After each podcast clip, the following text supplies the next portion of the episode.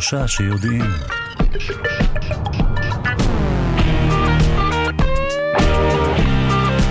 שלום לכם, אנחנו שלושה שיודעים בכאן תרבות, אנחנו בתדרים 104.9 וגם 105.3 ואנחנו נלווה אתכם המאזינים שלנו עד השעה 9 ואתכם הצופים של כאן 11 נלווה בשעה הקרובה והיום אנחנו uh, בתוכנית מרתקת במיוחד. אתמול uh, הוכרזו זוכי פרס נובל לפיזיולוגיה או רפואה, כך מוגדרת הקטגוריה הזו ומי שכתב את הפרס, הזוכים הם החוקרים האמריקאים ג'פרי הול, מייקל רוזבך ומייקל יאנג. הם קיבלו את הפרס על גילוי המנגנון המולקולרי של השעון הביולוגי. שנמצא בכולנו, נכון, דוקטור יונת אשחר? נכון. בכולנו. אז אנחנו מיד נדבר על זה. אגב, היום לדעתי יוכרזו הזוכים בפרס הנובל בפיזיקה. כן. זה יהיה במהלך היום, אנחנו לא נספיק כמובן לדווח על זה. וגם נדון כאן עם מי שכבר שוחחתי איתה הרגע על מחקר חדש שעל פיו המוח של, של הניאנדרטלים מסתבר שהוא התפתח יותר לאט מהמוח שלנו, מה שאומר שאולי הם היו יותר חכמים מאיתנו. וגם נדבר על סוכות, מחר ערב סוכות, נדבר בין היתר על הקשר בין אושפיזין לבין אשפוז. מי שמלווה את השידור הזה היא דוקטור יונת אשחר, אנחנו מיד נציג אותך, אנחנו רק נזכיר לכם. אתמול היו אמורים להכריז, ואכן זה קרה, זוכי פרס הנובל לפיזיולוגיה או רפואה. מי שזכו בפרס הם החוקרים האמריקאים ג'פרי הול, מייקל רוזבך ומייקל יאנג, ואת הפרס הם קיבלו על גילוי המנגנון המולקולרי של השעון הביולוגי. זאת אומרת, הם פיצחו את השעון הביולוגי שנמצא בכל אחד מאיתנו, אותו שעון שגם נקרא השעון הצירקדי, שם קצת מוזר. צירקדיאני, כן. אתם הגדרתם את זה כצירקדיאני, מצאתי מקור אחר שקורא לו צירקדי. זה השאלה איך מתרגמים כן. באמת את העניין בסוף בדיוק. מאנגלית. אבל אולי דוקטור יונת אשחר, שבין היתר תלווה את המשדר הזה, היא מומחית להתנהגות בעלי חיים ממכון דוידסון. ולא רק, את תסבירי לנו על המנגנון הזה. אגב, עבור הצופים שלנו שרואים אותנו, נמצאת איתנו כאן לא רק דוקטור יונת אשחר, אלא גם סמדר כהן, שהיא לשונאית הבית שלנו, ותדבר איתנו בהמשך התוכנית על סוכות ומילים שקשורות לסוכות. נכון, ואם אתה רוצה, אז אני יכולה להגיד לך גם משהו על הצירקדי והצירקדיאני. בבקשה. זה קצת דומה לאיכותי ואיכותני, וכל מיני דברים אחרים שבאקדמיה משתמשים בהם בנון הזאת כדי... כאילו לבדל משם תואר רגיל בעברית, אבל אפשר להגיד מחקר איכותי, ולא צריך להגיד מחקר איכותני, ואפשר להגיד מחקר כמותי, ולא צריך מה, להגיד כמותני. השאלה מה נשמע יותר מתנשא, לא? לא משנה כן, מה נכון, אלא מה יותר של, מתנשא. זה סוג של בחירה אקדמית, כן. כן. אני לא אומר שאני אבל, עושה מחקר אבל כמותני זה, אף פעם. זה שישר אותי, כי אני אתמול באמת בדקתי את הנקודה הזו, ראיתי שבאתר של מכון דוידסון באמת תרגמתם את זה כצירקדיאני, שנשמע כמו ריקוד אינדיאני, ומקום אחר זה הופיע כצירקדי. בכל מקרה זה מסרקל, נכון? ממעגל. לא בדיוק. מחזור? אז זה גם לא בדיוק. שתי מילים אוקיי. בלטינית, כי אנחנו תמיד אוהבים לטינית כמובן באקדמיה. סירקה זה בערך בסביבות. כן? ודיאן זה יום, כמו קרפה דיאם, אז תפוס את היום. אה, אוקיי, מעניין. אז יש... אוקיי, רגע, הטלפון התחיל פה לקבל חיים משלו. אוקיי, בבקשה. אז סירקדיאן פשוט אומר בערך יום. אוקיי, בערך יום. כן, אז הם אוקיי, אז בואי, איזשהו אולי... מחזור כן. של פחות או יותר 24 שעות. אוקיי, אז בואי תסבירי לנו, אנחנו מדברים על ה... אנחנו מנצלים את העובדה, אנחנו נדבר איתך על המחקר החדש שקשור לאדם הניאנדרטלי, אבל רגע לפני, באמת, בואי ננסה להבין, אולי באמצעותך, דוקטור יונת אשחר, למה הכוונה, מה, מה הפיצוח הגדול באותו שעון ביולוגי שיש בכל אחד מאיתנו? אנחנו יודעים שיש לנו שעון ביולוגי שמשמש לתזמון, להעיר אותנו, למשל, כשאנחנו למשל. קמים לתוכנית הזו, לפני השעון המעורר, תמיד תופעה כזו, נכון? נכון. שמים שעון, ואם לא נשים שעון, לא נקום. במקרה שלי יש עכשיו, זה היה לי אחיין בן שנתיים וחצי שהעיר אותי לפני השעון המעורר, אבל mm. גם השעון הפנימי לפעמים עוזר. זה עוד מנגנון שצריך כן, לפצח, עוד אחיינים. מנגנון, כן. אבל בואי תסביר לנו באמת איך עובד, מה הגילוי הגדול שלהם? אז uh, הגילוי הגדול זה בעצם המנגנון המולקולרי שעומד בבסיס של אותו שעון ביולוגי. אז השעון הביולוגי הוא, הוא מושפע מהשמש, הוא מושפע מהאור ומהחושך, אבל יש לנו גם שעון שעובד אה, פשוט באופן פנימי, בלי קשר לאור וחושך, ואנחנו רואים את זה אה, למשל בג'טלג, כשאנחנו עפים, למשל טסים למקום אחר שבו אה, אה, יש שעון אחר, אזור זמן אחר, לוקח לנו זמן שהשעון הביולוגי שלנו יתאים את עצמו למחזור האור והחושך רגע, של המקום החדש. רגע, ולא מדובר באותו שעון ביולוגי שנמצא לנו במוח? כן, כן, מדובר באותו שעון ביולוגי שנמצא כן. במוח. הוא מתאים את עצמו למחזור של אור וחושך, אבל הוא לא מתבסס רק עליו, יש משהו פנימי שעובד בעצם בלי קשר לאור וחושך, וזאת הסיבה שלוקח לנו כמה ימים להתרגל mm. למחזור אור וחושך שונה, כשאנחנו טסים למשל oh. לאזור זמן שונה. יש הרבה דברים בגוף שלנו ש... אה, מופעלים על ידי השעון הביולוגי הזה, יש הורמונים שמשתחררים בשעות מסוימות של היום ולא בשעות אחרות. אפילו החום גוף שלנו משתנה, הוא שונה בלילה וביום. יש כל מיני פעילויות אה, זאת אומרת שהשעון שלנו עובד ש... בין היתר באמצעות אה, האור וחושך, הוא מסתנכרן לפי האור. אבל גם לפי אבל טמפרטורות יש... ושינויים אחרים. לא, הוא, הוא, הוא לא עובד לפי טמפרטורות, הוא אה, מווסת טמפרטורות, הוא גורם mm. לשינויי טמפרטורה בזמן ה-24 שעות. אבל הוא... אבל, אבל מה הגילוי שלהם? הגילוי למה, שלהם... למה לתת להם פרס נובל ולא כמובן לגרש אותם בבושת פנים? אז מה שהם גילו זה את הגנים והחלבונים שבעצם אחראים על השעון הפנימי, והם גילו בעצם איך הם עושים את זה. הם גילו בעיקר שיש אה, גן אחד שהם קראו לו פיריוד, שזה כאילו תקופה. כן. שעון ביולוגי וזה, יש גן אחר שקראו לו טיימלס. הם מאוד אוהבים לשחק עם שמות uh, גנטיקאים. Uh, ובעצם מה שהפיריוד למשל עושה, הוא מייצר חלבון. ואז החלבון הזה, הוא מפעיל גנים אחרים, אבל הוא גם משפיע על הגן שמייצר אותו. אז יש בעצם איזשהו משוב שלילי. אוקיי, מעניין. אז בעצם כשאתה מייצר את החלבון הזה, הוא גורם לפחות ייצור של עצמו. זה משוב mm. שלילי. ואז בעצם הוא גורם לפחות ייצור של עצמו, אז פחות ממנו מיוצר, ואז אין אותו יותר, כי הוא מתפרק במהלך היום בתא, ואז אם אין אותו יותר, אז הוא לא מעכב את הייצור של עצמו, אז הגן שוב פעם מייצר אותו, ואז הוא שוב פעם נקשר לגן ומעכב את הייצור של עצמו, ואז הוא לא מיוצר, אז אין אותו יותר, אז הוא שוב פעם מיוצר, וככה יש בעצם מחזור של ייצור ופירוק. אוקיי. בדיוק, זה בדיוק העניין של הלופ, של המשוב שלילי מביא בעצם לאיזשהו מחזור כזה, והמחזור הזה, כמה עכשיו, זמן הוא לוקח. אז בואי, רק, רק ספרי לנו, הכוונה היא בפיצוח מולקולרי, ש... מה קורה שם מבחינה כימית מבחינה באותו כימית, שעון? מבחינת ה... אז זה בדיוק העניין. מה שקורה זה שהחלבון הזה הוא מיוצר, ואז הוא מפסיק להיות מיוצר mm. והוא מתפרק, ואז הוא שוב פעם מיוצר, ואז הוא מפסיק להיות מיוצר ומתפרק. אז התזמון הוא באמצעות חלבונים כזה, שמיוצרים או לא בדיוק, מיוצרים? בדיוק, בדיוק. וכל המחזור מה... הזה נמשך 24 שעות בערך. זאת אומרת שהגוף שלנו כן מכיר 24 שעות במנותק כן, מכדור הארץ וכולי. ואם אתה uh, תשים וואו. אנשים במקום שהוא, אין בו, שיש האור תמיד אותו אור, ואין בעצם הבדל לא בין יום וחושך. לא חשוב שמות רשת רהיטים ידועה? למשל, או... אוקיי. כל מיני קזינואים. לא ניכנס לא לזה, דווקא. על רקע מה שקרה. אז יש לנו בכל זאת, הגוף שלנו מאותת לנו כשהגיע הזמן לישון והגיע הזמן לקום, כי יש לו את ה-24 כן. שעות הפנימיות. מדהים. עכשיו, ובעצם, י... כן. עוד במאה ה-18 גילו ש... לא רק לאנשים ולא רק לבעלי חיים יש שעון כזה, אלא אפילו לצמחים יש שעון כזה. זה התחיל מצמחים, אני משער, לא? כן. מחד תאים, כל אה. אנחנו, אנחנו מגלים יותר ויותר שאפילו ליצורים, גם שאנחנו חושבים פרימיטיביים, יש איזשהו שעון ביולוגי. ובצמחים שהם לא יצורים מאוד עכשיו... פרימיטיביים, הם שונים מאיתנו, אז למשל גילו עוד במאה ה-18 שצמח המימוזה, הוא פותח את העלים שלו ביום וסוגר אותם בלילה. וואו. ואם תשים אותו במקום שהוא תמיד בחושך או תמיד באור, הוא עדיין 12 שעות יפתח את העלים, 12 שעות יסגור את העלים. במחזורים של 24 שעות. עכשיו, יש לנו שעון ביולוגי אחד בגוף, או שבכל תא יש אה, אפשרות לתזמן? יש משהו שקורה ברמה התאית? יש שעון לכל תא, או שהגזמתי? אה, אה, שעונים באופן כללי זה שעון של הגוף כולו. שמשפיע, אבל... שעון מרכזי כמו מזגן מרכזי, או שהוא פר כזה. חדר? אז יש אה, כמה שעונים בכל מיני מקומות שאחראים למשל על ייצור הורמונים. ועל דברים שקשורים בעצם למחזור של 24 שעות. עכשיו, בינינו, בינינו, מה אכפת לנו? זאת אומרת, האם הגילוי הזה והפרס נובל, מלבד, כמה זה לדעתי, זה מיליון וחצי אירו וכולי, מה אכפת לנו? האם אה, מחלות אה, עשויות, אה, זאת אומרת, האם אנחנו יכולים לרפא מחלות באמצעות הגילוי הזה? כי לדעתי קצת כן, לא? אז קצת כן, כן. אנחנו עוד לא ממש יודעים את כל הדברים שהשעון הביולוגי משפיע עליהם, אבל כן. המחקרים האלה באמת נותנים לנו את הבסיס להבין את זה. אז מעבר ללמצוא פתרון לג'טלג, שזה גם מאוד מאוד חשוב, יש מחקרים למשל שמראים שלגידולים סרטניים כן. יש מחזור צירקדי. שזה מרתק.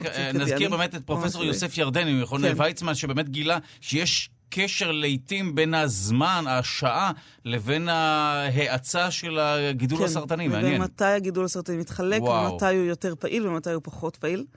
אה, ויכול להיות שאם נוכל אה, להבין את זה, למשל, נוכל לכוון את הטיפולים לשעות מדהים. שבהם הם יהיו יותר יעילים. טוב, מדהים, ובאופן כללי המנגנון הזה הוא די מדהים, לא? כן, השעון הביולוגי וכולי. מדהים. טוב, אנחנו uh, נעשה הפסקה קצרה, נשמע uh, שיר, ואז uh, נעבור uh, לעוד עניינים. Uh, למעשה התכנסנו כאן היום uh, עם דוקטור יונת אשחר, בין היתר, כי אנחנו מדברים על מחקר חדש שקשור לאדם הניאנדרטלי. שוב, אנחנו ההומו ספיאנס, נכון? נכון. אנחנו uh, הגדרנו את עצמנו כטובים יותר וחכמים יותר, חושבים. כן. אנחנו חושבים, בניגוד לניאנדרטלי, שהוא היה...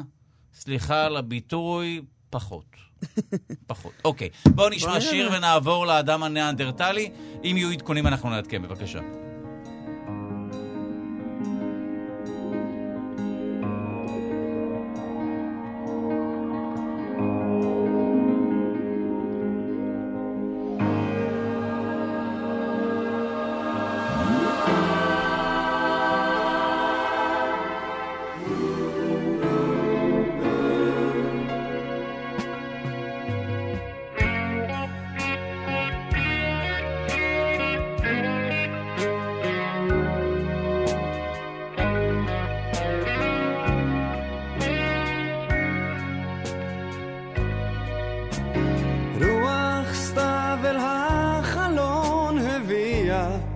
חזיונות של ימים קרים ושל שלכת. ובבית שוב האף דבק לזגוגיות וחשוון דוחק חומו של קיץ. וכעלה נידף ברוח כך דעות המחשבות אל שמש בחופשה ועל ירח שקבע בחורף.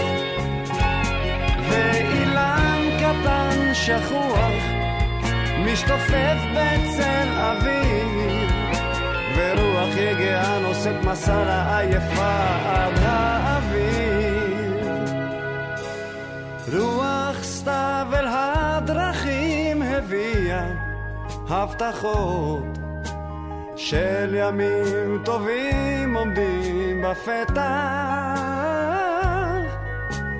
ויונה תמימה נושאת ענף למזל טוב. ושלמים שלווים פני השמיים. ועוברת לה חולפת עוד עונה ועוד והעולם כמנהגו נוהג ומשתנה בתוך שבוע. ואני עומד תמה מתקשה קצת להבין אבל אף פעם לא אדע ולפני סיבה להאמין. רוח סתיו הבהירה מחשבות וזה לא די רע רוח סתיו עשתה שירות יפה. רוח סתיו עשתה רוח סתיו עשתה שירות יפה. רוח סתיו עשתה רוח סתיו עשתה שירות יפה.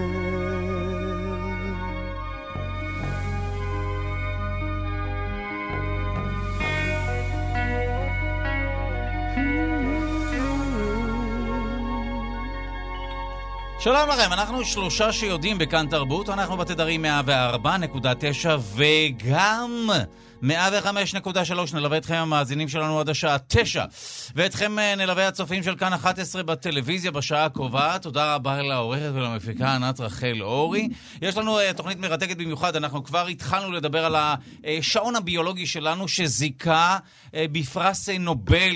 אה, בתחום הפיזיולוגיה או רפואה את אה, השלושה, את האמריקאים אה, ג'פרי הול, מייקל רוזבך ומייקל יאנג, שהם בעצם עלו על איזשהו מנגנון מולקולרי, כפי שהזכרנו, נכון? כן. שמאפשר לשעון הביולוגי שלנו לפעול, לפעול, בגוף, כן. כשבעצם הם גם גילו מנגנון שהוא גם תאי, נכון? לא מדובר רק בשעון מרכזי, אלא גם במנגנון שהוא ב- פר תא כמעט. כן, וכל אחד מהתאים בעצם אה, יודע מה המחזור של 24 שעות, ויכול להתאים את עצמו למחזור של 24 שעות, וזאת גם הסיבה שהגידולים הסרטניים, ככל כן. הנראה, גם נשמעים למחזור הזה, כי גם, גם בכל אחד יש מהתאים שלהם סוג של שעון ביולוגי יש בעצם. את השעון הביולוגי הזה. וואו, אז אם יש לכל תא בגוף שלנו, וזה מיליונים, אני משער, של תאים, כן. אז מדוע אנחנו צריכים לרכוש שעון במחיר מופקע?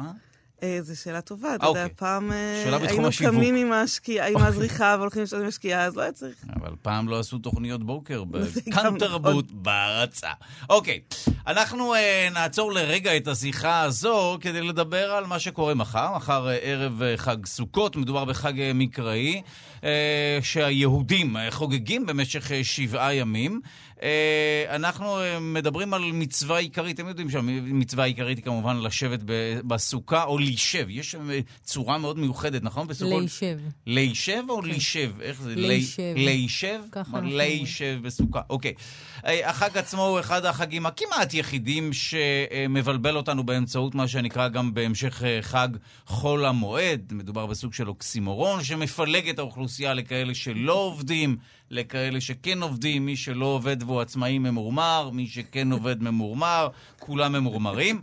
אה, מה יש לנו בחג הזה? יש לנו את הסוכה, יש לנו את ארבעת המינים, יש לנו קישוטים מנייר, בדרך כלל תוצרת סין שנמצאים רטובים. כי הם נרטבים מדי אה, שנה, וגם יש לנו את האושפיזין, מילה שבאופן אה, מוזר מזכירה לנו את המילה האחרת בעברית, אשפוז. אה, סמדר כהן, לשונאית התאגיד ואשת רוח, יש קשר בין אושפיזין לבין אשפוז? כן, אז... אני חושב שההובלות שלי ארוכות מדי, אני אקצר אותן בתוכניות הבאות. די, על הבוקר. כן. אבל כן, אתה צודק, אה, אושפיזין לא סתם נשמע דומה לאשפוז, כן? זה אה, ב- בדיוק אותו השורש. מה שנחמד, שגם אושפיזין וגם אשפוז הם לא בדיוק נולדו בעברית, הם באו אה, מן היוונית, מן הרומית, מן המילה אוספיטיון ביוונית. אוספיטיון? אה, כן, זה מזכיר לך איזה משהו? הוספיטל? נכון, תראה. הוספיס גם? נכון, להבדיל, כמובן, שהוספיטל, אנחנו תלוי קוראים לו... איזה מלון הוספיטל, בתל- אנחנו קוראים לו בית חולים, אבל אה, אה, אנשים דתיים קוראים לו בית רפואה, אז זה תלוי ב- בזווית ההתבוננות שלך על מעניין, הדבר אה, הזה. מיתוג מחדש ראוי. נכון. רגע, אז- אבל מעניין, אז יש קשר בין הוספיטל וגם נכון. הוספיס? אז הוספיטיון ביוונית, פירושו וואו. בעל אכסניה או אכסניה, אה. בסדר? ובעצם הרעיון הוא שמדובר במקום שבו מתאכסנים בדרך אה, אה, זמנית, לא, לא כדרך קבע. וזה התגלגל לאושפיזין? נכון, ובעצם אושפיזין הם אנשים שבאים להתאשפז, להתארח, זאת אומרת, הם באים באופן... להתאשפז בסוכה או להתאכסן בסוכה שלי חינם אין כסף. למשך זמן מסוים. לילה ממוצע עולה כ-650 שקלים. כן, בדרך כלל הם לא ישנים. אצלך בסוכה, הם רק אוכלים. זה קצת, חמור מו- זה מזה. קצת מוזיל את האירוח. לא בטוח. לא בטוח. תלוי מה תלוי מה אתה מגיש. זה. נכון, תלוי מה זאת אתה אומרת, מגיש. אה, אבותינו באים לעקוץ? את מודה שמדובר ברמייה. של לא, אבות רק- אבותינו, עוד גם כרוחות רפאים, הם מגיעים לעקוץ. לא, אז אני רק אומרת ש... הנה, הטכנאי שלנו, יאיר ניומן, מאשר. הוא גם מקים דת חדשה עכשיו. אוקיי. אז אני רק אומרת שאושפיזין, כאמור, נולד מן המילה היוונית אה, אוס- אוספיטיון, ופירושו אכסניה, ובעברית של ימינו אה, קיבלנו ממנו את אה, אשפוז, אשפזו, לאשפז וכולי. המילה הזאת נמצאת לנו כבר במשנה כמובן, משם, במשנה אנחנו מוצאים הרבה מילים יווניות, כי זאת הייתה האנגלית של ימי המשנה. כמו כן. שהאנגלית בימינו, ככה הייתה היוונית אז. אה, זו הפעם ו- היחידה שמשתמשים במילה אושפיזין, נכון? כאורחים או מתאכסנים. אין עוד. נכון, זה מאוד נכון. זה מיוחד בהקשר ל- הספציפי הזה של לחברים. הללו, שמיד נכון. גם נזכיר את שמם. יש נכון. רשימה של אנשים מכובדים. נכון, אתה תזכיר את הרשימה, אני חושבת, בשעה הבאה, כי אתם נכון. תדברו קצת על הלכות החג, אני אין חושבת. צורך אה, כמובן אל תעשי לנו ספוילרים או כלכלן אנחנו בעברית. ש- משאירים שפנים בכובע. סליחה, אבל- אבל יש לי כדי להעלות הזדמנות- את הרייטינג. אבל יש לי הזדמנות ללמד מילה חדשה פה? אה, במקום ספוילר, שיש מילה בעברית, כלכלן. כלכלן בקוף, אבל. כזה שמקלקל. ברור, ברור. בסדר, כלכלן, מילה אה, לא יתפוס. אבל לא, מילה יתפוס. קשה, לא. כי יש כנגדה כלכלן בכף, והיא כבר נכון, ידועה יותר, אז זה קצת נכון. יותר יהיה קשה. אמ, טוב, אנחנו, האושפיזין האלה שדיברת עליהם באים אה, להתארח בסוכה, נכון. ואולי הזדמנות להגיד משהו על בואי סוכה. באמת אה, נזכיר את שמות האושפיזין. אני כתבתי לי את שמותיהם. הנה, אברהם, יצחק, יעקב, יוסף, משה, אהרון, דוד. מי האהוב עלייך מביניהם? תמיד יעקב. כן? דווקא נראה לי משה הוא המדליק. אולי מהסרט, הסרט אני הדיברות. אני חושבת אה, שאני מוצא, מוזס, אבל... הוא יותר אה, הירואי. נכון, אבל, אבל יש לי קשר משפחתי לכל מיני יעקבים, כן, אז נראה לי גם אברהם אבל אה, מדליק. לא, אברהם הוא לגמרי. כן, הוא סבבה. יוסף עם כל הגלימה, ואז... אה, אולי קצת נרקיסיסט, יוסף, נראה לי. יוסף קצת עם הגלימה עשה פדיחות. יעקב אבל הוא מאוד אה, אנושי כזה, עם האהבה שלו לרחל. כן, מה, אני מחפש. אנושי, אני ההפך. ועם, והמה- ועם האהבה שלו לבנים שלו? היו בעיניו כימים אחדים ואהבתו אותה, אחד המשפטים הכי יפים. פש, מי היה מאמין אשת מדע שיש ביולוגיה, אתה מבין מה קורה כאן? איזה עירוב תחומין. מי היה מאמין ש... אוקיי, בבקשה. או, או, בלשון, או ברוח החג עירוב תבשילין ממש, מה שקרה. אתה רק. עושה חשק לאכול פה, אבל דבר לא הבאת. זה נכון. כי בפעם הקודמת הבטחת לי שאתה לא, אז לא, כן, לא אתגרתי אותך שנית. אני לא זוכר דבר מכל תוכנית אחרת. אוקיי, רגע, אז איזה עוד אה, מילה רצית, אה, הבטחת ללמד אותה? רוצה, אני רוצה לדבר איתך על עוד שתי מילים אולי. אחת, נדבר טיפה על סוכה ונדבר על, אה, על הביטוי מחיל אל חיל. מה אוקיי. אתה מעדיף? בוא- אז בואו נתחיל. נדבר מהר על סוכה. בבקשה. סוכה, השורש של המילה סוכה הוא סכך, סמך כף כף, כן? כן. מן המילה הזאת אנחנו מכירים אה, גם לכן את... זה ק, סוכה, אז הכף היא... נכון, אז הדגש הזה באמת מסמן אה, את החיסרון של כף אחת מן השורש, לכן סוכה. יש לנו לידה המילה סכך. שגם נכון. היא מאותו השורש בדיוק, וכמובן המ- המשמעות הבסיסית היא של כיסוי, משהו שמתכסה, משהו ששוחחים עליו, מצילים עליו, לא רואים אותו, הוא מסתיר דבר מה, בסדר? כן. אה, בסוכה אתה, סוח, אתה בעצם אה, אה, סוג של חוסה בתוכה, אתה מוסתר מן החוץ, הסכך מכסה מלמעלה או מסתיר את השמיים, או קצת מגלה אותם. אוקיי. ומן- ומאותו השורש בדיוק יש לנו גם המילה המסך של ימינו, שיש לנו מסך כבר במקרא, המסך שסוגר ופותח את פתח, הנמצא. בפתח האוהל, כן? אז אה, זהו, שזה מסך מסוג אחר, לא מוקרן עליו שום דבר, וזו לא, גם נכון, קצת טעות בעברית. אבל זאת המשמעות המקורית של נכון, מסך. משהו מסך הוא. יריית בד אה, שמזיזים אותו. אז אה, אנחנו נשב על הנקודה רגע. שוב, לא מדובר במסך קולנוע. אה, מדבר, הרבה פעמים אה, אה, קוראים לזה מרקע, לא? או לא, אז, צג. אוקיי, אז, הרבה יש- פעמים. אז יש באמת כמה מילים בעברית לדבר הזה, שבו אנחנו רואים כל מיני דברים. אבל זה אז לא מסך. מסך, בוא נגדיר, מסך, ההגדרה המקורית שלו הוא ירייה של בד. כן. שסוגרת ופותחת משהו, בדרך כלל פתח האוהל.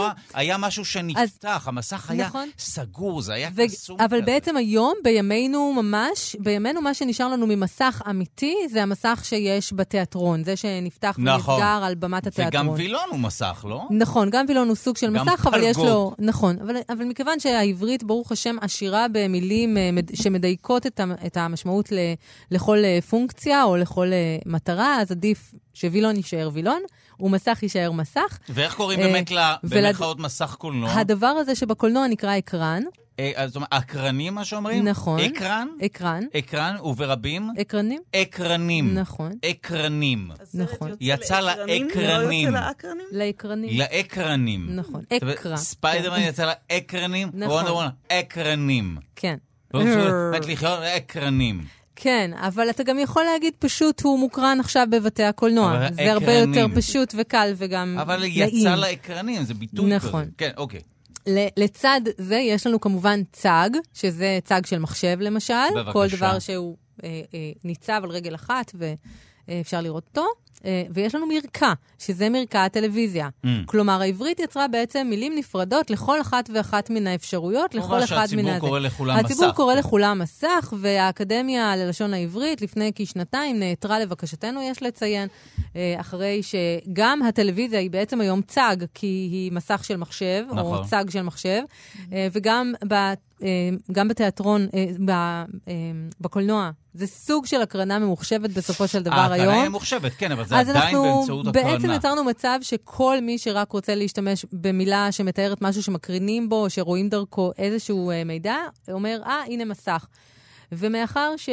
אה, מ- מאחר שבאמצעי התקשורת התחילו להיות המון המון המון פרסומות שקשורות במסקים, יש לומר, כן? כן. מסך, מסקים, אני מזכירה, השורש הוא סכך, בגלל הכף ההיא של אז- סוכה. בעבר, אגב, הייתה תוכנית בטלוויזיה שנקראה מסקים. זאת אומרת שיש שם טעות כפולה. הם קראו לעצמם מסכים וזה מסקים, וזה גם בכלל לא מסך. וזה בכלל היה מרקעים. יודע, אלף טעויות. נכון, אלא אם כן, אלא אם כן הם דיברו שם על, אה, נגיד, אה, אם, על אם הם היו. מדברים על, על, על מופעי אה, תיאטרון, על, על הצגות אה, תיאטרון. האמיני לי שלא, זה אבל, כנראה היה אבל לא, ניסית ברור. אה, לנקות את זה. ניסית, אוקיי. אני בבקשה, ניסית, משתדל. אנחנו. אנשי הלשון אנשים טובים. ודאי. אה, בקיצור, האקדמיה לפני שנתיים נעתרה לבקשתנו ואמרה, טוב, אנחנו מבינים, הציבור באמת משתמש במילה מסך באופן גורף, אז בסדר, אז נעתר לרצון הציבור, אבל עדיין עדיף להשתמש בהפרדה.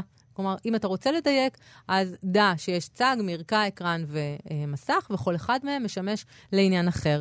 אה, אז קצת סטינו מן הסוכה, אז בואו נחזור לתוכה לרגע, אתה מרשה לי? לרגע אחד, אבל לרגע ברמת. סיימנו את השיחה. ב- לא, לא, לא, לחזור? רגע אחד, בבקשה. אה? לא, כי חבל, כי יש לנו הזדמנות ללמוד כבר על איזשהו ביטוי כן. שאנחנו הרבה פעמים אומרים, וואו, הוא הולך מחיל אל חיל, מי נכון? מאיתנו לא משתמש בביטוי הזה מדי בוקר? מאיתנו לא רוצה שיגידו את זה עליו. אנחנו. אומרים דחי אל דחי בדרך כלל. או דחי מי אל הולך בכי. מחיל אל חיל? איפה את חיה? את במגדל שן, גברתי. זה נכון, באקדמיה אומרים את זה בדרך כלל כשרוצים לפרגן, אוקיי, מהו אותו חיל? או לרטה, אבל בסדר. Um, לא, כלום. Um, אותו חיל, אז, אז מחיל אל חיל צמח, הוא בדיוק אה, צומח כאן בהקשר הזה של סוכות, לא סתם הבאתי אותו הנה. Mm. כשתוקעים את ה... מתי תוקעים את היתד הראשונה לסוכה, אתה יודע? אה, מוצאי כיפור. מוצאי כיפור, אה. נכון, מדויק. אז כשתוקעים את היתד הראשונה של הס- לסוכה, בעצם ממשילים את הדבר הזה, או אומרים, כדי שיקוים בכם מחיל אל חיל. כך הסבירו פרשנים. מה זה בעצם אומר? מחיל חיל יש לנו במקרא, אה. יש בי תהילים. הרעיון הוא אה, דבר שהוא עוצמה שהולכת וגדלה. מה, מה בעצם אה, הרעיון? נגמר יום כיפור, אה, נמחלו כל העוונות, אתה יוצא נקי כן. אל העולם, ואתה מתחיל מיד בדבר, הדבר הראשון שאתה עושה אחרי הניקוי הדף שלך מן החטאים והעוונות של השנה הקודמת, כן. זה מצווה. ובעצם הרעיון הוא שתלך ממצווה אל מצווה, ככה שחילך ילך ויגדל, וכוח- וכוחך ילך ויתעצם. אז חיל במובן של? חי במובן של עוצמה. אה, עוצמה. אבל, אבל, אבל בהשאלה כבר אה, הצלחה, אה, מצווה, אה, אה, יכולת. טוב, אה, הדלקת אותנו, אבל ברשותך אנחנו נעצור את החיל ונעבור מחיל אל, אל הניאנדרטלים. ואז כן. נדבר איתך על אה, פרסי האיג נובל. קודם כל, אה, דוקטור יונת ישחר הגיע לכאן אה, בין היתר כדי לדבר על מחקר חדש שפורסם לאחרונה, שעוסק אה, באדם הניאנדרטלי, אה, האדם הקדמון שהיה פחות מוצלח מאיתנו. אה, מסתבר שיש חדשות מעולם המדע. מחקר חדש אה, קובע שהמוח של הניאנדרטלים מתפתח יותר לאט מהמוח שלנו. זאת אומרת שבעבר חשבו שהוא יתפתח מהר יותר, מה שמעיד בהכרח על העובדה שהוא פחות מורכב. אני אומר קצת דברים מורכבים כי פשוט קראתי על זה אתמול, אבל שימו לב. פעם חשבו שהמוח שלהם, של הניאנדרטלים, התפתח מהר, אבל לא, לא הגיע לאיזה מוח מתוחכם ומדליק. והיום מבינים שהמוח שלהם מתפתח לאט. בישול איטי, ואולי הם היו יותר חכמים מאיתנו. דוקטור יונת אשחר, מה את אומרת? יכול להיות אולי. שהם היו צריכים לשלוט בעולם? יכול להיות. אנחנו כבר יודעים כבר כמה זמן שהמוח שלהם היה קצת יותר גדול משלנו, אבל אין לנו ממש דרך לדעת באמת איך הוא היה בנוי, כי אין לנו מוחות של נאנדרטלים, יש לנו רק גולגלות של נאנדרטלים, שמתוכם אפשר לראות את הנפח הכולל של המוח, אבל לא, לא את המבנה שלו ובעצם מה היה בו. וכל ההנחות, כל הנחות היסוד האלה, שמוח שמתפתח לאט יותר, הוא בהכרח יותר מתוחכם או מורכב, זה, אלה הנחות נכונות? זה לאו דווקא שהוא יותר מתוחכם, אבל כן אה, מדברים הרבה על העובדה שאנחנו בעצם מתפתחים יותר לאט מאשר כל אה, בעל חיים אחר. ואפשר לראות איזושהי קורלציה, איזשהו קשר בין התפתחות איטית ומוח אה, גדול ומורכב, וגם יכולת למידה. אחד התיאוריות הם שבני אדם מתפתחים כל כך לאט, כדי שיהיה להם הרבה זמן פשוט ללמוד. הכוונה היא למה? להתפתחות בתקופת הילדות? המוח בתקופת עדיין ה... מתפתח? בתקופת הילדות. אם אתה תחשוב על כלבים למשל, שהם כן. הם, הם נולדים די חסרי ישע, אבל אחרי כמה שבועות הם כבר די עוד מסתובבים בעצמם, ואחרי שנה הם כבר בעצם הגיעו לבגרות מינית. אה, שנה וחצי, שנתיים הם בוגרים לחלוטין. אה, לעומת זאת, קופים מתבגרים הרבה יותר לאט, ולהרבה קופים אה, לוקח 7, 8, 9, אפילו יותר שנים Mm. להגיע לבגרות מינית. אצל קופי אדם זה אפילו עוד יותר מאוחר, ואצל בני אדם גם. וגם, אצלנו גם יש הבדל בין בעצם הגיל שבו מגיעים לבגרות מינית והגיל שבו מגיעים לבעצם בגרות. אה, אוקיי. גם אה, בגרות פסיכולוגית, כן, אה, בגרות פיזית, פסיכולוגית אה, נפשית ופיזית. וכולי. אבל נכון שאנחנו מתבשלים לאט. אנחנו סוג של בישול איטי. ואחת התיאוריות היא שבעצם התקופה הזאת של הילדות, התקופה המאוד מאוד ארוכה של הילדות, היא מאפשרת לנו ללמוד הרבה דברים אחרים. בעצם תקופה שאנחנו מלווים, אה, שאנחנו מבלים לא בתחרות על בני זוג, כמו הרבה אה, בעלי חיים אחרים שכבר מגיעים לבגרות מינית מוקדם, אלא פשוט מוקדשת אך ורק לגדילה וללמידה, וגם מאפשרת באמת לפתח את המוח. והרבה שנים חשבו שהניאנדרטלים מתפתחים יותר מהר מאיתנו, בעיקר על סמך השיניים שלהם, כי גם להם יש שיני חלב ושיני קצת כמו. הכלבים, שמגיעים כן. מהר מאוד ל- אז לא, לבגרות שלהם. לא עד כדי כך מהר כמו כן. הכלבים, אבל יותר מהר מאיתנו, כי השיני קבע שלהם, למשל, אה, צומחות יותר מוקדם. Mm. ופלנטולוגים, חוקרי מאובנים, הם מאוד מאוד אוהבים שיניים, כי הרבה פעמים שיניים זה הדבר היחיד שנשאר. כן. בדיוק. זה מה שיש ועם זה ננצח. בדיוק, יש מינים שלמים שכל מה שנמצא מהם זה שתי שיניים, וכבר הגדירו מין חדש כי השיניים שונות. אז הם מאוד מאוד אוהבים שיניים. והם ראו באמת שהשיני קבע אה, יוצאות כנראה מוקדם יותר מאשר, Mm. מאשר אצלנו. אבל המחקר החדש בעצם נעשה על ילד אחד, שהוא כנראה היה בן 7-8 שנים. ש... ניאנדרטל? ניאנדרטל, כן. שנמצא במערה בספרד. הניאנדרטלים אה, לא חיו באפריקה, כמו הרבה מיני אדם מוקדמים, הם חיו אה, באירופה ובאסיה. ו- וגם אצלנו במזרח התיכון יש מקומות של ניאנדרטלים, אתרים של ניאנדרטלים. והם בדקו אה, בעצם את העצמות של הילד הזה, גם גולגולת וגם עצמות אחרות, כשלוקח להם זמן להתפתח, לוקח זמן לסחוס להפוך לעצם. זאת אומרת שכן והם יש ראו התפתחות איטית. שהגדילה שלו, זהו, אז הם בדיוק Mm. בדקו מה המצב של הגדילה שלו, והם ראו שהוא גדל מאוד מאוד לאט, ושהגולגולת שלו הראתה שהמוח שלו היה רק 87% ממוח של בוגר, שזה פחות מהאחוז שיש אצל בני אדם זאת בגיל אומרת הזה. שהם אפילו מתפתחים לאט יותר מאיתנו. יכול להיות שאפילו וואו. לאט יותר מאיתנו, אבל יש גם כאלה שמזהירים שבסופו של דבר זה שלד אחד. יש גם איזושהי וריאציה בגודל המוח שלהם, אז יכול להיות שהוא פשוט, שזה לא שבעצם היה לו אחוז יותר גבוה, אבל פשוט אם הוא היה ממשיך לגדול, המוח שלו היה קטן יותר בסופו של דבר, כי יש Mm. איזושהי וריאציה אצל הניאנדרטלים.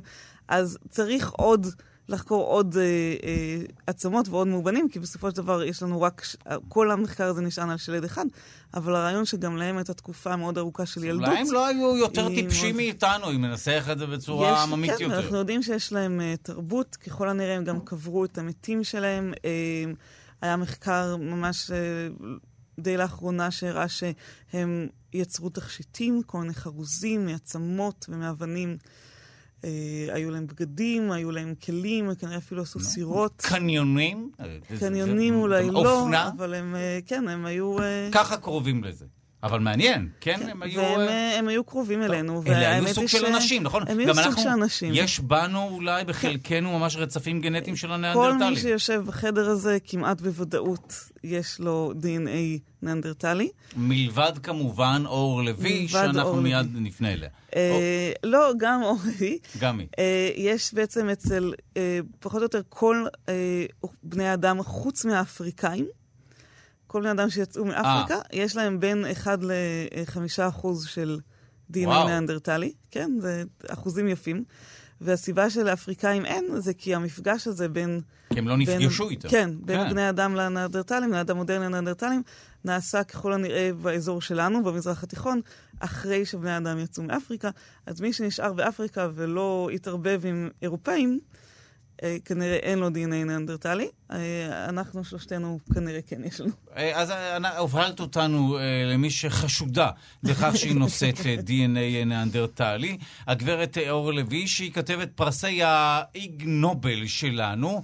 אה, מה- נזכיר בשורה אחת מה מה הם אותם פרסים?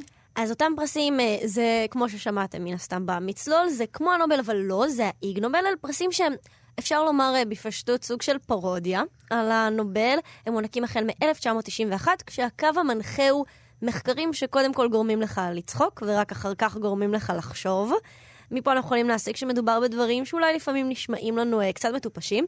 לפעמים, אני בסוגריים אגיד, אולי הם באמת מטופשים. אבל המטרה היא לא להעליב, זה קצת אולי להגחיך, אבל לא ממש להעליב אני את מי חושבת שזה שחקר. יותר מכל, אה, מי שעומד מאחורי זה, זה כתב עת אה, מדעי הומוריסטי, זה Mm. קצת אולי באמת לגרום לנו, אנשים שלא תמיד חושבים על מדע, להיות מעורים יותר במחקרים שקורים, גם אלה שאולי פחות יובילו להישגים מדעיים גדולים, ויותר רק לעורר מחשבה. אוקיי. אני רוצה רק להגיד שבקשר להעליב, הזוכים בדרך כלל לא רואים את זה כעלבון.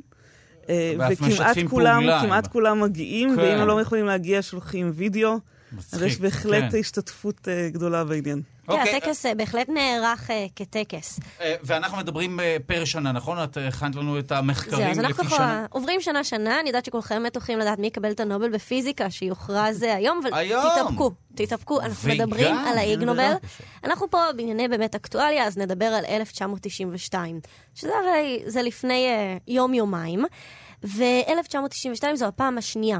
שנערך uh, הטקס הזה. אפשר גם לומר בסוגריים, אולי זה השנים הראשונות, עוד השנים שהם קצת uh, יותר מפוזרים, פחות עוסקים במחקרים מאוד עמוקים, יותר באמת בכותרת של מחקרים שגורמים לנו לצחוק. ואני רוצה שקודם כל נדבר על האיג נובל uh, שהוענק בתחום הרפואה באותה שנה. זה מחקר שאני בטוחה שכולנו מתחברים אליו מאוד. הוא מחקר, הוא מחקר של מרכז המחקר של שיסידו ביוקוהמה, זה ביפן, והם בעצם... איזו הפתעה. איזו כן. הפתעה. אה, וזה בעצם מחקר חלוצי בנושא, הכותרת, בדיקת התרכובות הכימיות האחראיות על ניחוחות כף הרגל.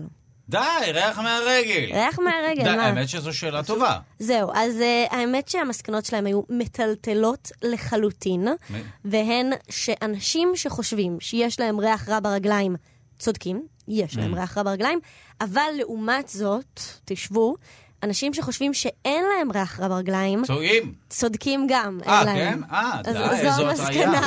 המטלטלת של אוקיי, המחקר אבל הזה. מה גורם ל- לריח? חיידקים בעצם שמפרקים שם כל מיני משהו? דברים? וחיידקים, אבל בעצם המסקנה המתבקשת שלהם היא שאנחנו די יודעים לאבחן את זה בעצמנו, אה, בני אוקיי, האדם. כן, הבנתי על מה אתם- המחקר. עכשיו הבנתי. אה, כן, כן.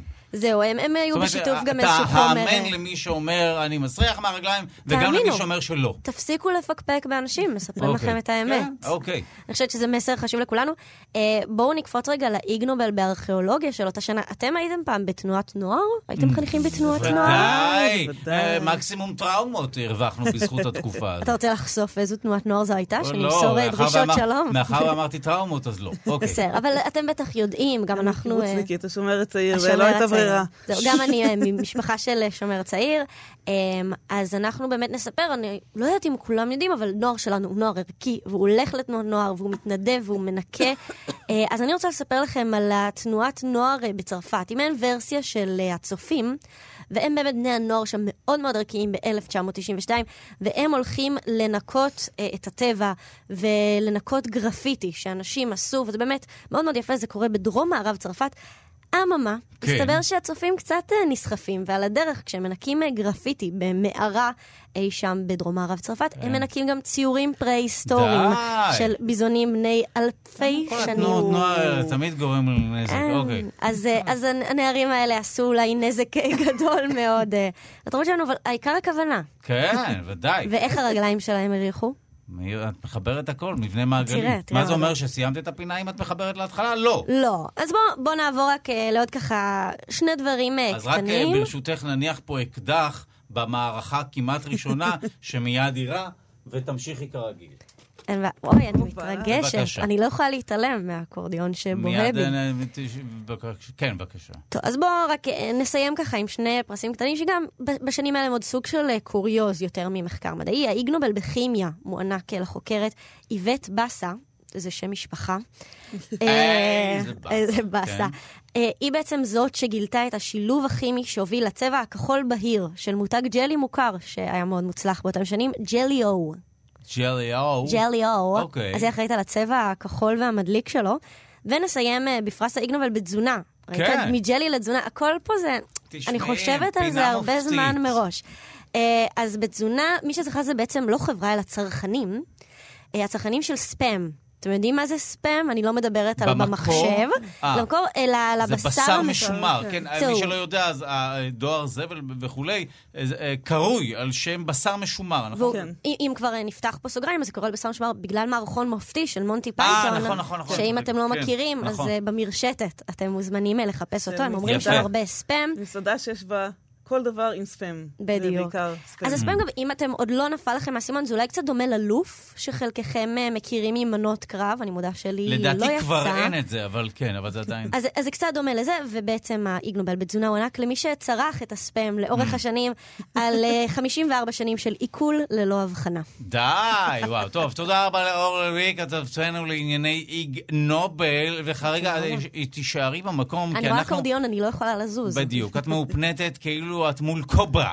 Uh, ביום שלישי הבא, ב-10 באוקטובר, בחול המועד, יתקיים הפסטיבל שכולנו חיכינו לו, פסטיבל האקורדיונים. uh, חמישה מוקדים של מוסיקת אקורדיון שינגנו וירטואוזים באקורדיון, ולא רק באקורדיון, זה קורה באבו גוש. שלום למוטקה שלף אה, מחגיגת פסטיבל האקורדיונים, שלום. שלום רב ובוקר טוב. אז בואו ספר לנו, אנחנו כמובן אה, נעצור את שידורי אה, כאן תרבות בהרצה באותו יום, כדי להצטרף עליכם אה, שם בעשרה באוקטובר. מה צפוי לקרות שם? קודם כל, אם אתם רוצים להגיע, אתם צריכים להודיע לנו, ואז ניתן לכם את המקום הראוי. אה, בבקשה, כי אנחנו בדרך כלל מפתיעים, אין פה מחלקת תיאום, זה זאת תהיה בהרצה. ההפתעה שתודיעו. מה קורה שם? אנחנו אה, במסגרת אה, פסטיבל אבו גוש, זה לא בדיוק במסגרת, אלא קצת לפני פסטיבל אבו גוש, זו שנה רביעית שאנחנו מרכזים ביוזמתו של מנהל הפסטיבל והמפיק הראשי שלו, גרשון כהן, הידוע. אנחנו ודאי. מרכ- אנחנו, כן, אנחנו אוספים את מיטב נגני האקורדיון הווירטואוזיים לא בארץ למוקד אחד, וזה מוקד אחד ענק, גדול, שבו הנגנים מתחלקים למוקדים שונים ומנגנים בו זמנית בהרכבים שונים. אז זה לא מפריע אחד לשני? לא הרי חמישה מפריע, אנשים לא. מנגנים, הרי זה כאוס. פעם אני עשיתי זה- סטנדאפ במקום שהיו בו חמישה מוקדים, לא שמעו אותי, כמעט חטפתי מכות. קודם כל, אני מבין שאני נגן, אני מדבר גם עם, עם אקורדיוניסט, אז אני רוצה לומר לך, במקום שאתה נמצא. אתה שומע את מה שמי שמנגן מולך. השטח הוא די גדול, ואנשים במוקדים השונים לא מופרעים מנגינה במקומות אחרים. עכשיו, אה, אנחנו עשינו את זה כבר פעמיים ביד השמונה, לפני כמה שנים, זה היה מאוד מוצלח, גם כן מפוזר, ואותו דבר קורה גם פה.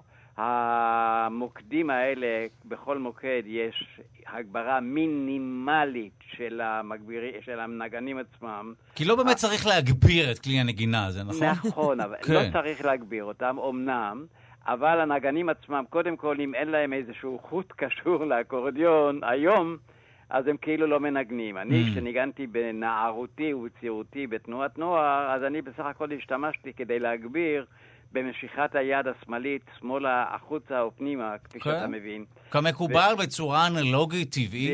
בדיוק. אבל לאט לאט נכנסו כל הכלים האלקטרוניים. תראה, אם אנחנו נזכרים בלהקות הצבאיות, מי שניגן בלהקות הצבאיות זה תמיד היה אקורדיוניסט אחד, ואף פעם לא היה לו שום חוט שהיה מחובר לאקורדיון. הוא ניגן אה, על תגיד לי, הבמה. מוטקה, אתה, אתה עכשיו מעורר בי תהיות באמת. פעם אנחנו, נגני האקורדיון, היינו נחשבים למגניבים של החבר'ה. והיום עברנו ל, אה, אה, לאנשים שזוכים לקלס וללעג. Uh, לא, לא, זה כבר לא ככה, כיוון שכשאנחנו מדברים עכשיו, אני דיברתי לפחות על תקופה מאוד ישנה, Mm. שבה האקורדיון היה כלי עממי, והוא היה מלווה בדרך כלל ריקודי עם או שירה בציבור מעט, וזה היה כלי שהוא בעצם מין עוגב קטן שהוא היה נייד ממקום למקום. נכון, גם אה, מוסיף הטכנאי שלנו יאיר ניומן, כולנו זוכרים גם בגן, הייתה לנו את המורה לריתמיקה, נכון, שביססה את הכלי נגינה הזה בזיכרון הקולקטיבי שלנו. נכון, אה, אה, אה, גם מורים למוזיקה היו נכנסים לכיתות שהיה תלוי להם אפילו על הצוואר, אם לא אקורדיון של המורה לריתמיקה, על הצוואר היה, היה תמיד אה, תלוי איזשהו כלי נגינה אה, מהקטנים האלה של, עם, עם הכפתורים. וככה זה היה פעם, וזה התחיל ככלי עממי, אבל גם בעולם וגם בארץ, כמו בכל דבר, אנחנו רצנו אחרי כולם, והיום למעשה ההתפתחות הייתה כל כך מהירה וכל כך חדה, שהיום גם בניית האקורדיון עצמה קיבלה תנופה אדירה והפך להיות כלי קלאסי אפילו. כן. וגם הנגנים עצמם שמנגנים גם וירטואוזים נהדרים שיש לנו כאן בארץ. וגם כאלה שהגיעו אלינו מכל מיני ארצות, בעיקר מארצות אה, ברית המועצות לשעבר, אם זה רוסיה, אם זה אוקראינה. שהם באמת גם בילדותי הם אלה שהובילו את, ה, את הלימוד אה, של אותו כלי. גם אני למדתי אצל מורים שהגיעו מרוסיה, למשל. נכון, נכון. כן. כי מי שירד מהמטוס בזמנו ולא ירד עם כינור, אז הוא היה או אקורדיוניסט או פסנתרן. כן. אז אה, נכון, הם הובילו, והם הביאו להתפתחות אדירה.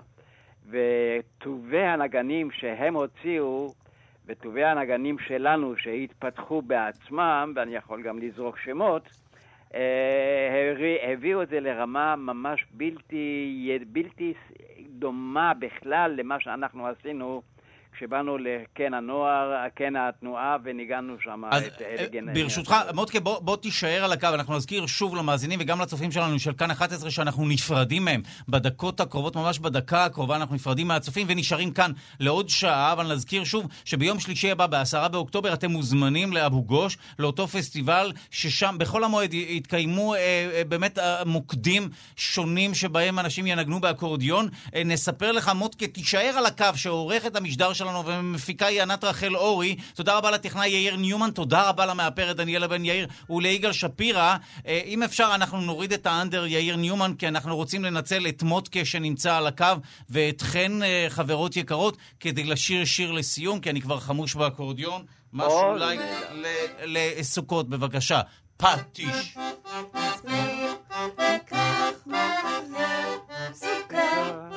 לשיר בביטחון.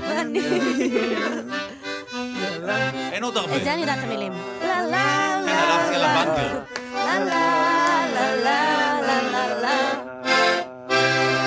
מה אתה אומר, מודקה? תן לי ציון. אני חושב, משהו כמה בסביבות שבע. בשבע, תודה. אז אתה יורד מהקו, תעיפו את מודקה מהקו. תודה רבה לך, מודקה, בהצלחה בפסטיבל. תודה רבה. מיד אנחנו גם נדבר עם מי שלשמחתנו הסכים להגיע לכאן, ידידיה תנעמי, מגיש בכאן מורשת על סוכות. אתה כבר נמצא איתנו כאן, אבל רגע לפני שנדבר איתך על סוכות, ברשותך, אנחנו רוצים לדבר שוב על האדם הניאנדרטלי.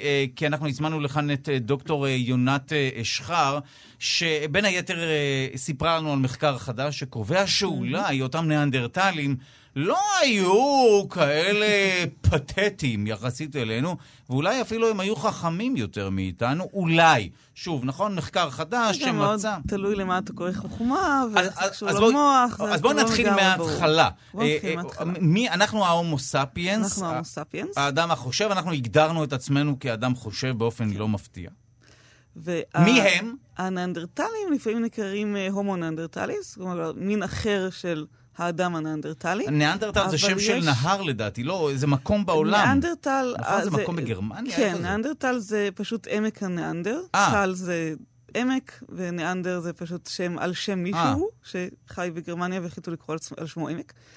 והם בעצם מה... העצמות הראשונות שהתגלו של מין אנושי שאינו הומו ספיאנס, היו עצמות של, של ניאנדרטלים, שאנשים שפשוט חצבו בעמק הזה, עמק הניאנדר, ומצאו עצמות, וחשבו שהם של דוב, ואחר כך הם אמרו, קראו לאיזה מומחה, אמר, לא, לא, זה עצמות אנושיות, אבל הן קצת mm. מוזרות. ו, ואז בעצם התחילו, התחילה כל העניין של מי זה האדם הניאנדרטלי, ואחר כך מצאו שלדים שלהם באמת מ... מספרד ועד סיביר. עכשיו, כשאת, את אמרת שהם לא יצאו מאפריקה בניגוד אלינו. אנחנו במקור מאפריקה, אנחנו כולנו. אנחנו במקור מאפריקה. אבל הם לא. הם, המין עצמו ככל הנראה אף פעם לא היה באפריקה, אלא התפתח ב, במזרח התיכון או בדרום אירופה לפני משהו כמו 400 אלף שנה. יכול להיות שהם הם, ככל הנראה נוצרו, אה, התפתחו ממין שנקרא הומו ארקטוס, שכן יצא מאפריקה. שזה האדם הזקוף האדם לדעתי? הזקוף, נכון, כן. כן. בדיוק.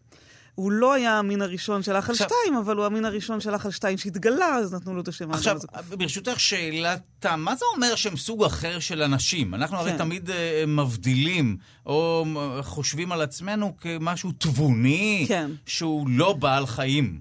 אז אה, למרות נכון, אבל. אז באמת, כל המינים האחרים מה, מהסוג הומו, מהסוג שלנו, קצת מערערים על התפיסה הזאת, כי הם מראים שבעצם יש קשר בינינו לבין בעלי חיים. אה, פשוט כל מי ש... כל בעצם דרגות הביניים, אתה יכול לקרוא לזה ככה, בינינו לבין השימפנזים, כבר לא קיימים היום. הכי קרוב אלינו עכשיו זה השימפנזים והבונובו. הנאנדרטלים עצמם, יש עדיין ויכוח אם הם באמת היו מין נפרד, או שהם פשוט אוכלוסייה שונה של הומו ספיאנס. כי אנחנו יודעים, כמו שדיברנו מעניין. כבר, שהם כן אה, היו להם יחסים אינטימיים עם, אה, עם בני- הומו- עם בני הומו אדם, ספיאנס. והם אה, זאת אומרת שאנחנו- גם הולידו ילדים אה, ביחד. ביחד. זאת אומרת, אה, שוב, כפי שאמרת, בחלקנו או ברובנו יש כן מקטעי DNA של יש ניאנדרטלים. מקטעי דנ"א של נאנדרטלים. זאת אומרת, כן. אבי אבות אבותינו, ככל הנראה, עקצו פה ושם ניאנדרטלית. ואו הפוך. ואו הפוך. וואו. וגם באמת, האמת היא שזה לא ואו, אלא ו. וגם, כי אנחנו יודעים שלמשל, מצאו שאצל ניאנדרטלים, קבוצות מסוימות של ניאנדרטלים, יש אצלם DNA שהגיע מבני אדם. אה, די, אצלנו וואו. יש DNA שהגיע מאנדרטלים, ואצל ניאנדרטלים יש DNA שהגיע... כן, טוב, באופן טבעי, כשזה אה, קורה כן. זה וזה- דו-כיווני. כן, וזה אה, מעניין, אבל שזה אומר שבשתי האוכלוסיות בעצם גידלו ילדים שהם היו חצי-חצי, וואו. וקיבלו אותם לחברה, והם נשארו שם והעבירו את, ה- את ה-DNA שלהם הלאה. ואת גם מעט הזכרת את העובדה שמדובר אה, היה בסוג של אדם, נכון? זה כן. סוג של אדם שהוא לגמרי אה, בעל תרבות, בגדים, כן. אה, אה, תכשיטים. בגדים, תכשיטים, יש סימנים, יש לזה קצת ויכוח, אבל הם כנראה גם קברו את המתים שלהם, שזה כן. מראה שיש להם אולי איזושהי אה, חשיבה של אה, גם קשר בין אישי וגם חשיבה על מה קורה אחרי המוות. אה, אנחנו, אין לנו מושג אם הם ידעו לדבר, אבל יש הרבה שמניחים שכן, בגלל התרבות המפותחת הזאת שלהם, שקצת קשה להשיג אותה בלי שפה. הבעיה היא שכל הדברים שדרושים לדיבור הם חלקים רכים, מה שנקרא, שהם לא מתאבנים. אז אנחנו לא ממש יכולים אה, לדעת כמו אם... הרקמה של מה שנקרא מיתרי קול, או למעשה קול, של שריר הלשון, אה, קול, של זה ה- לא ממש... כן, אה, זה לא באמת לא מיתרים. מיתרים, כן. אה, אבל באמת, יש גם חוקרים שאומרים שעד כדי כך הם היו כמונו, שיש חוקר שאמר, אה, אם אני הייתי לוקח אחד מהם, מלביש אותו בחליפה ושם אותו ברכבת התחתית של מנהטן, אף אחד לא היה מסתכל. זה בגלל הטיפוסים המוזרים. זה גם יכול להיות. בגלל הטיפוסים ברכבת התחתית של מנהטן, אבל בעיקרון הם לא נראו אולי כמו דוגמנים, ולא לא יודעת אם היינו חושבים שהם כל כך יפים, אבל אבל, הם לא הם היו לא היו מאוד עד מאיתנו. כדי כך שונים. כן, מעניין. המבנה גוף היה די דומה, הם היו די נמוכים, רגליים וזרועות קצת קצרים, אבל לא משהו שהיית אומר, וואו, זה משהו כל כך שונה. טיפוס מגניב שחזר כן. מהודו. הפרצוף שלהם היה קצת שונה, היה להם אה, אה, מצח מאוד מאוד נמוך, הרכסי גבינים, מה שנקרא, בעצם היה מין... אה, על הגבות, הרכס גבות שלהם היה בולט, וכמעט ולא היה להם סנטר. אז הם נראו קצת... אה, אה, לא, מוזרים. לא משהו כן. אולי, אבל באופן כללי... טוב, לא משהו אה, במובן בעין אנושית, כמובן. בוודאי, כן. בוודאי. אה, אני מניחה שבעיני הניאנדרטלים... לא שבערוץ האופנה הניאנדרטלי הם היו. לגיטימיים. ואנחנו רואים גם שכנראה היו כאלה שמצאו את בני האוכלוסייה, הסוג השני, הם מספיק יפים מה בשביל... שחשוב זה כמובן האופי ולא בוודאי. הניאנדרטלי. בוודאי, בוודאי. אוקיי, אז אנחנו נעצור כאן, אנחנו נמשיך לדבר על האדם הניאנדרטלי, אה, כששוב, אנחנו ההומו ספיאנס, האדם החושב. אה, ואנחנו כרגע אה, שמחים לארח כאן אה, שוב את ידידיה תנעמי, מגיש בכאן מורשת. מאחר, ומחר, ערב סוכות, אנחנו כולנו נבלה בסוכה, נמתין לאושפיזין, אבל עם כל הכבוד לאברהם, יצחק, יעקב, יוסף, משה, אהרון ודוד, נמצא איתנו כאן האושפיז השווה באמת. מי שמכניס בכיס הקטן, אני סתם מגזים, שלא פה נסכסך בינך לבין כל הציבור. אבל שלום לך, ידידיה, תודה שהגעת לכאן. בוקר טוב. אה, מה אנחנו, אה, מה, מה אנחנו אמורים, מחר אנחנו אה, אמורים לשבת ב- בסוכה, אבל מדובר בחג שבניגוד לחגים אחרים, אין הרבה מנהגים שקשורים באוכל בחג הזה, נכון? נכון, נכון. למשל נו, אז- בחג פסח זה מצות, כן. אה, זה העיקר, אבל כאן בעצם אתה עושה הובלת דירה. מעבר דירה מהבית הקבע שלך. לדירת רווקים קטנה. דירת ארעי. אה, כן. כולנו עוברים לדירה עם שותף צימר בפלורנטין. ככה, כן, צימר אה, בחוץ. מישהו ואתה- שחזר מהודו. לא, אה, מה- המטרה באמת? מדוע אתם תולשים אותנו ממגדלי היוקרה? אני כמובן צוחק, כל אחד מדירתו, אה, כל, אחד והגודל של אה, מה שהוא הצליח אה, לצלוף עליו בחייו והמיקום. אבל מה היתרון באמת בלגור במחסן המאולתר הזה? תשמע, הייתי הולך על זה ברמה סמלית. אה, אנחנו תמיד אוהבים להיות אה, מאוד יצירתיים. אומרים לנו, בוא, תצא מדירת הקבע שלך, תצא מהקיבעונות שלך,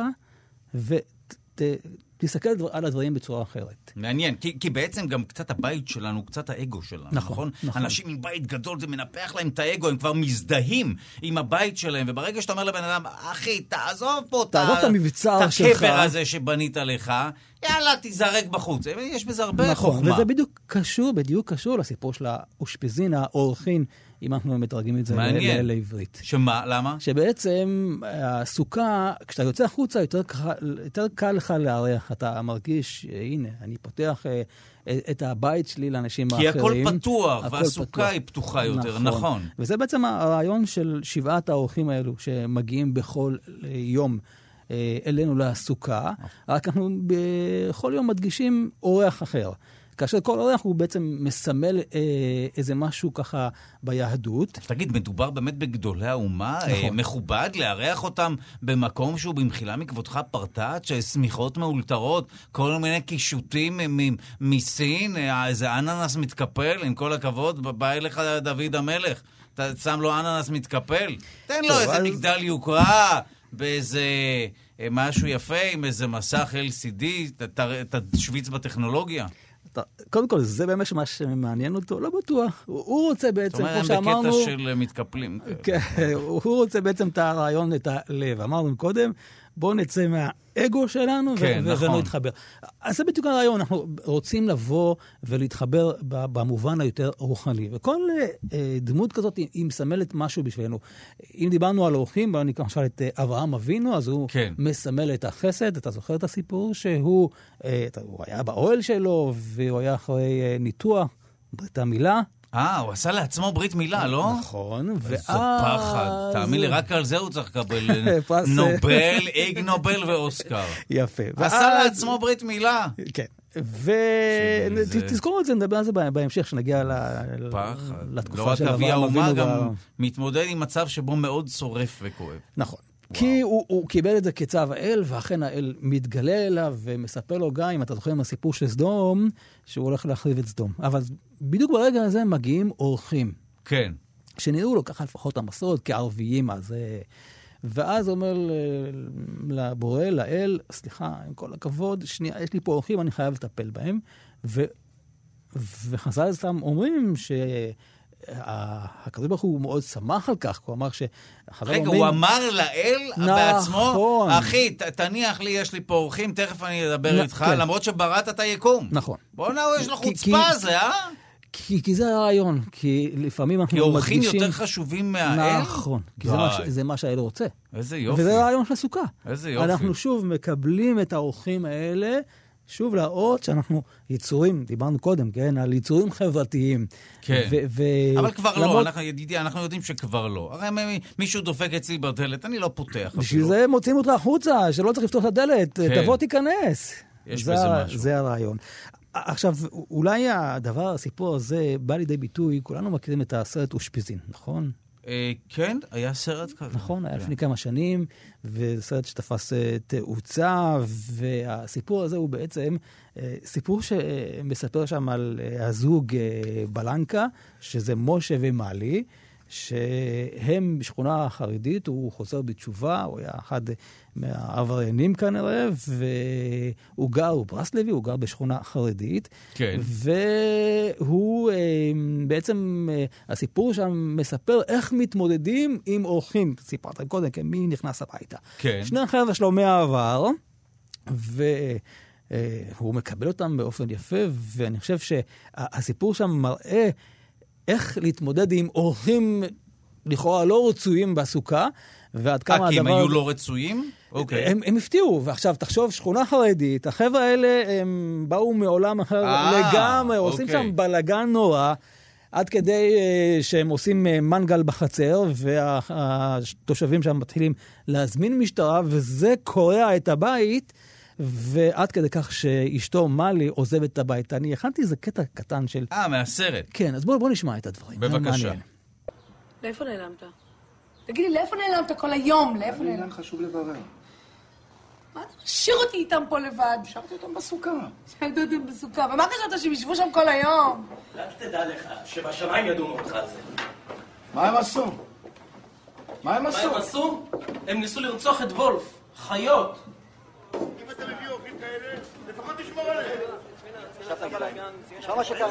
כן, רגע. מי משטרה?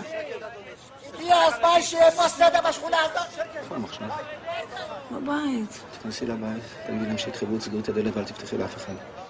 למה? תעשי מה שאני אומר לך. משה, מה קורה פה? תעשי מה שאני אומר לך, מהר. מהר.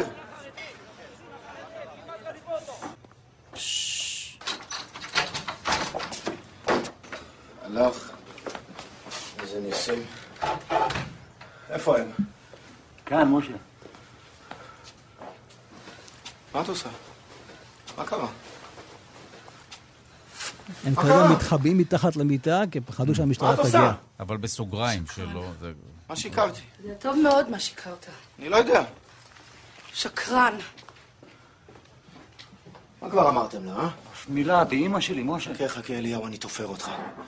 אולי תסבירי לי מה את עושה? הולכת! אבל למה? את לא יכולה לעשות מה שאת רוצה. ועוד איך אני יכולה? אני לא מבין מה עשיתי לך. משה, תזוז. אני לא מבין מה עשיתי לך. תן לה, משה. חברים מפעם, אה? שקרן. כן, חברים, מפעם, מה את רוצה? ולא ידעת שהם פושעים נמלטים שהמשטרה מחפשת אותם. מה? חס ושלום. יוסף אליהו, אתם אמרתם לי דבר כזה? ממשיך לשקר, אה? אתה חושב שאני מטומטמת? הוא חושב שאני מטומטמת. אז למה נהיית לבן כשראית את השוטרים, אה? כי ידעת, נכון? נכון או לא נכון? וואו, נכון או לא נכון? מה לי, הוא לא ידע. הדלקת אותו. טוק! אל תתעורר. בסדר, בסדר. טוב שאנחנו רק שומעים, ידידיה, כן, מה כן, הולך שם? כן. תגיד לי, אה, לא. אה, לדעתי אפשר, אה, מאחר כן, והאינסרט הוא באורך של 90 דקות, אנחנו ברשותך נפייד אותו אחרי שאנחנו פה קיבלנו תלונות ממנכ"ל התאגיד, ו- שגם מודיע שאתה מפוטר. אבל ידידיית אה, תנעמי, אני מקווה שבסוכה שלך פחות אה, לא, לא, רועש. לא, מה זה זה- אווירת כן. האלימות הזו? אגב, אנחנו מדברים על סרט שנקרא אושפיזין. שהסרט הוא על פי תסריט של השחקן הבאמת מופתי. שולי רנד, האהוב מאוד. את הסרט ביים אה, גידי דר. אה, אוקיי, על, מה הסרט מדבר? על אורחים אה, לא קרואים ב- בסוכה? כן, לא צפויים, כן. ומתמודד, וזה קורע את הבית. אה, מאלי, האישה, עוזבת את הבית, כן. ועולים שם כל מיני רעיונות איך הוא, כאדם חוזר בתשובה, פתאום מתעמת לכאורה עם, עם העבר שלו? העבר שלו, אה, ואיך מעניין. הוא... מאוד שווה צפייה. בסוף, מה שקרה, שאשתו... בסוף הוא מת, אבל בוא נהרוס. אה, לא, לא, אשתו... טוב. בסוף הוא מת, ואשתו היא... אה, דברים טובים, היא. גבר, לא והוא להגזים. רובוט. בואו נסגור את התמונה. תגיד לי, אבל אה, ידידיה, ב- בינינו, איך הלכת לראות סרט שאין בו באמת או דינוזאור או רובוט? או שוטר. אני, אני מוחה באופן אישי. כי אני, אם אין את האלמנטים האלה, או גיבור על.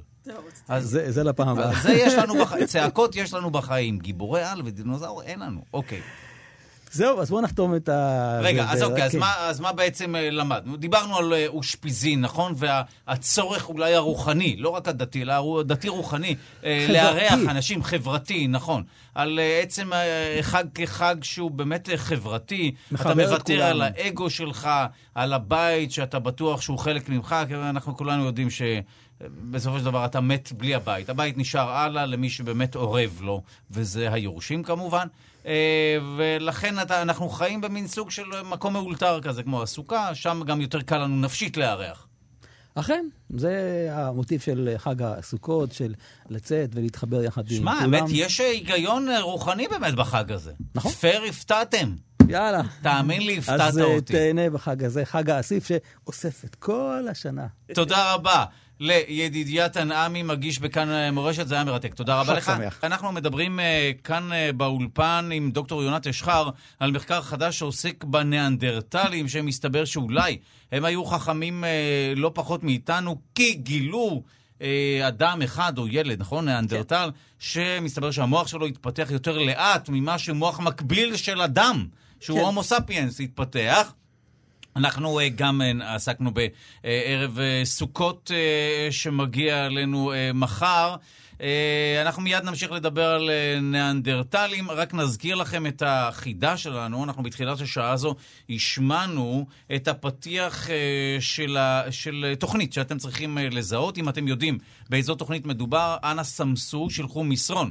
ל-0559-663992, 0559-663992, אם אתם מזהים את הפתיח של התוכנית הזו.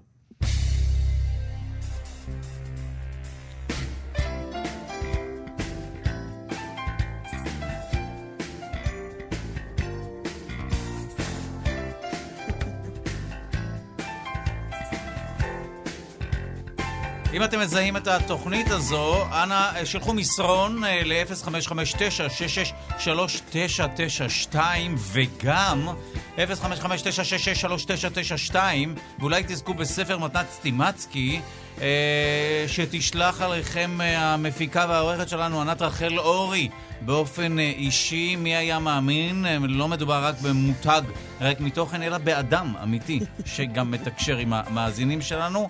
אה, זו תוכנית ששודרה באזור שנות ה-80, גם בין היתר כאן בישראל. טוב, בואו נמשיך לשמוע את הפתיח הזה, ואז אה, נמשיך לניאנדרטל.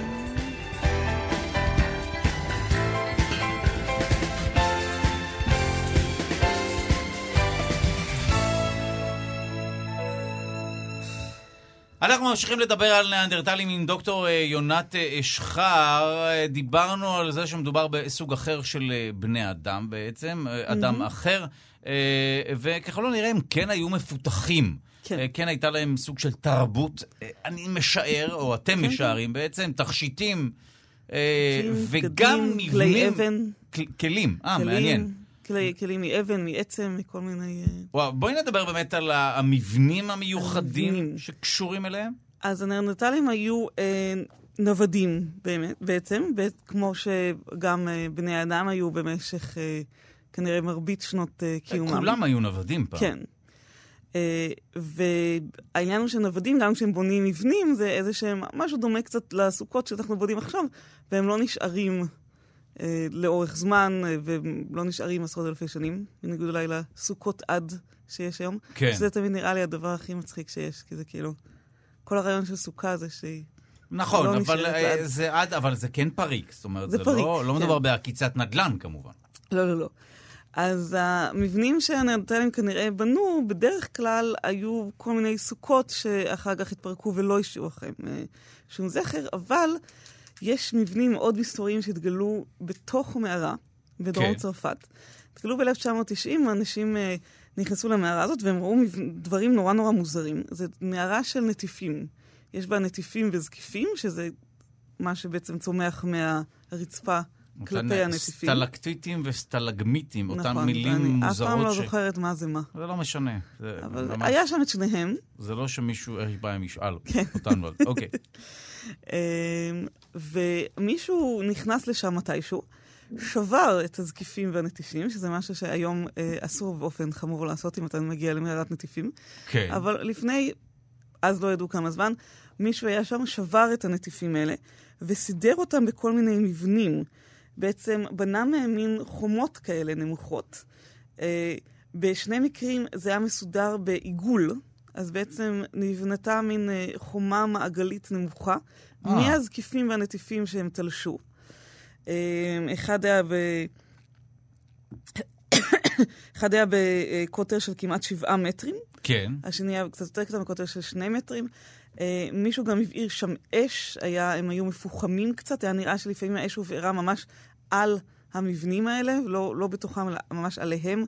והמחשבה הראשונה הייתה שזה איזשהו בן המין שלנו, מה שנקרא בן אדם מודרני, שלפני אה, 10,000, 20,000, 30,000 שנה היה באזור הזה ועשה כל מיני דברים שאנחנו לא מודעים להם.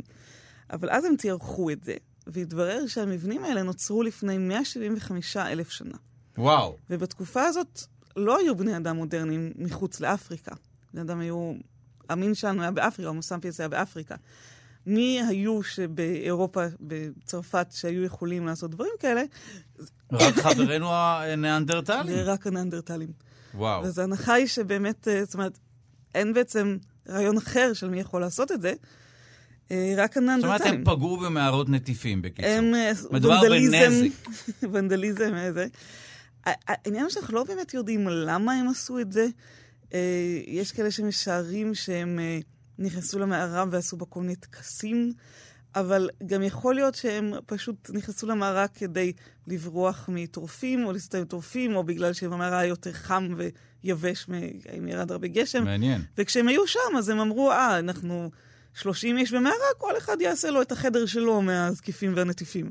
אז יכול להיות שזה לא משהו, איזשהו טקס אה, דתי או משהו כזה, אלא פשוט משהו יותר פרקטי. מעניין אם הייתה להם דת? האם הם נלחמו בבני אדם שהם הומו ספיאנס? הייתה- אה, היה מאבק אה, ביניהם? או אני- שלא כי הם היו באזורים שונים? הם כן היו באזור, באותם אזורים, הייתה כן. חפיפה מסוימת, והם נכחדו כי באמת דיברנו על זה שהם גם שנה. התערבבו, כן. והם נכחדו רק כמה אלפי שנה אחרי שבני אדם מודרניים בעצם הגיעו לאזור שלהם, יצאו Mm. ולכן בהתחלה הרבה אנשים חשבו שאנחנו אלה שהכחדנו אותם. אה, שבני אדם, אבותינו, בני אדם מודרניים המוקדמים לפני 45 אלף שנה, נלחמו בהם, או אפילו ממש צדו אותם. העניין הוא שאין לזה שום אה, עדות. מעניין. אין עצמות של, למרות שיש הרבה מאוד אתרים של אה, הומו ספיאנס מוקדם מה, מהתקופה הזאת, יש הרבה מאוד אתרים של האנדרטלים, אין בעצם שום עדות לקרב, והיום רוב החוקרים חושבים שאנחנו... אה, יותר הגיוני שאנחנו פשוט דחקנו אותם, שאנחנו היינו מותאמים טוב יותר לחיים באזור הזה.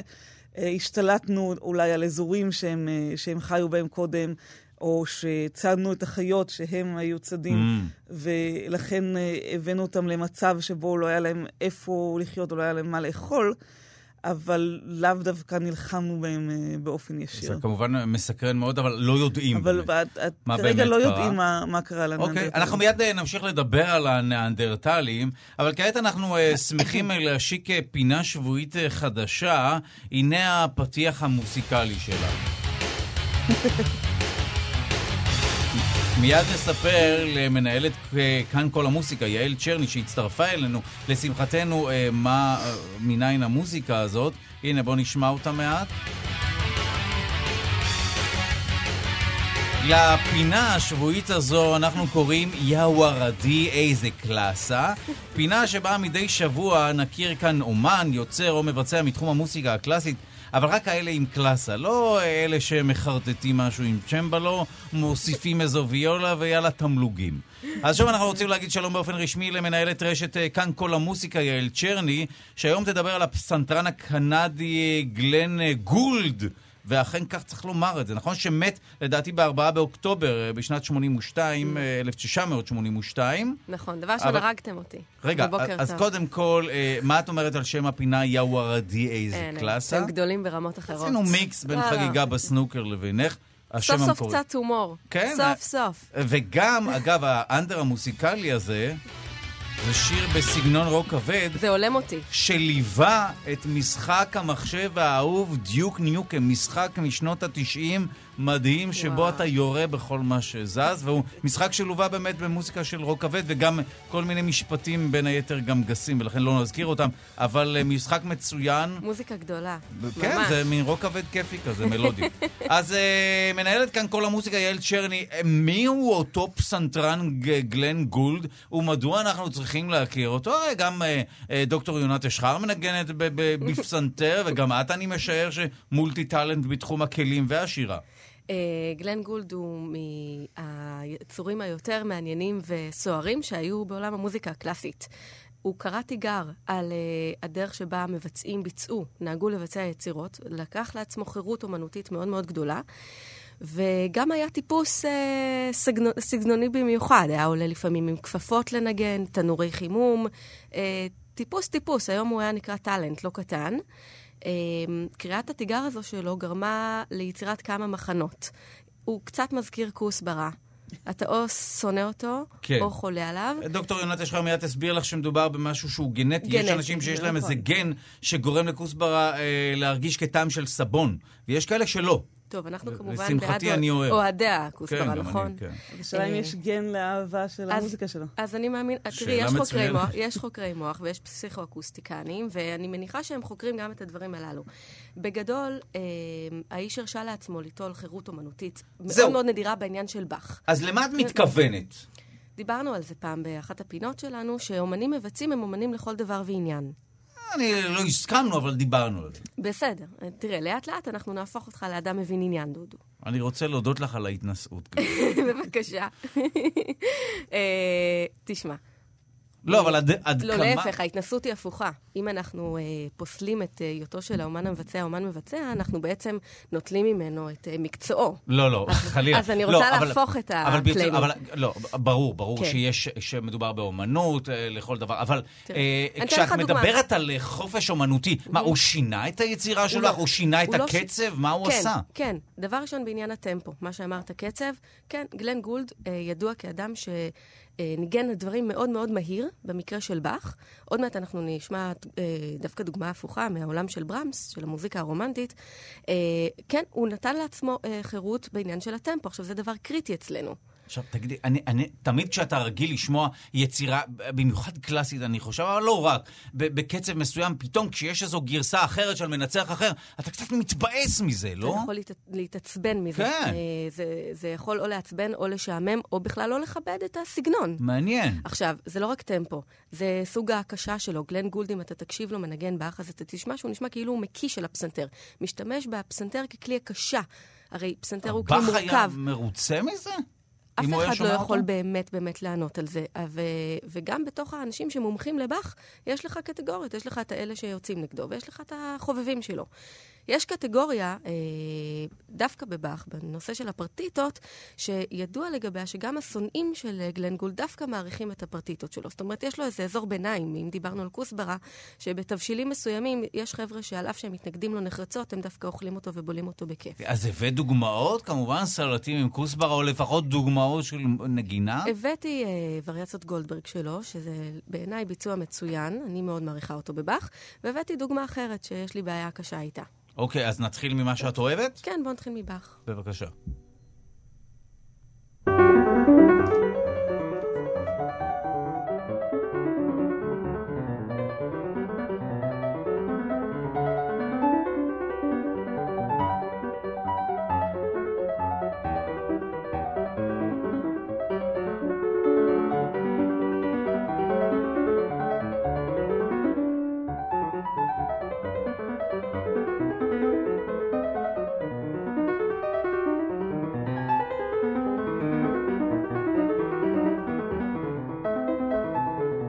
על פניו נשמע נפלא. אה, אה, למה- המקור הוא שונה לגמרי? נשמע מהיר, כיפי, בטוח בעצמו, מדויק? אני מציעה שנעשה פינת השוואות על באך, אולי בפעם הבאה, כן. ואז נוכל להשוות. הבאתי... אבל את אומרת שכך זהו, לא אמורים. לנגן. לא, לא אמרתי לא אמורים, אבל לא היה נהוג לנגן, לא מעניין. ברמת צליל ההפקה ולא בטמפו, ובעיניי, אבל זאת אחת האינטרפטציות היפות לווריאציות גולדברג.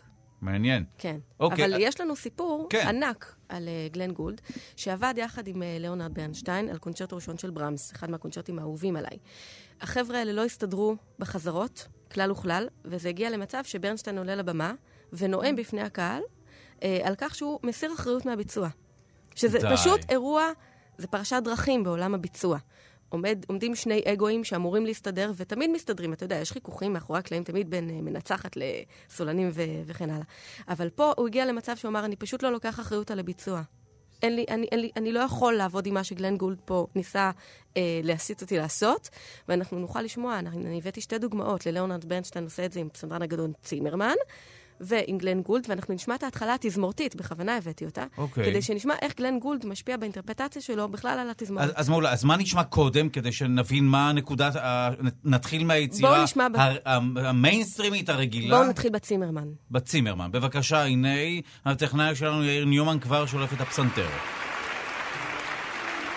שימו לב לטמפו, לקצב.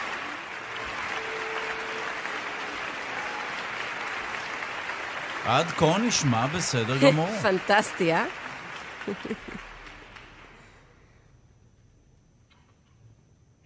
שאולים כמובן.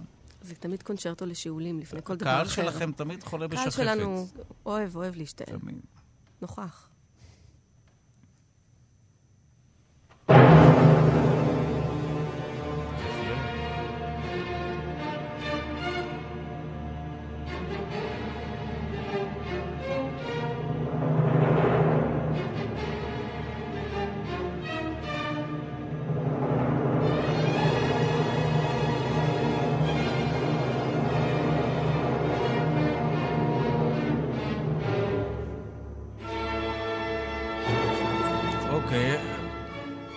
שמענו עכשיו את ההתחלה של הקונצ'רטו של ברנס, מספר כן. אחת לפסנתר ותזמורת, זה מתחיל בתזמורת, זה הנושא של התזמורת. כן, לא שמענו עכשיו, פסנתר, נכון? לא שמענו לא. פסנתר, אני בכוונה הבאתי את התזמורת. Mm. עכשיו אם אנחנו נשווה את זה, אה, בבקשה. לאותה גרסה היסטורית עם גלן גולד, מעולה. נשמע את אז בואו ההבדל עם התזמורת. נשמע את המתחכם. אפילו הכפיים, זה משהו אחר. זה אחרי ברן, שברנשטיין דיבר. Mm.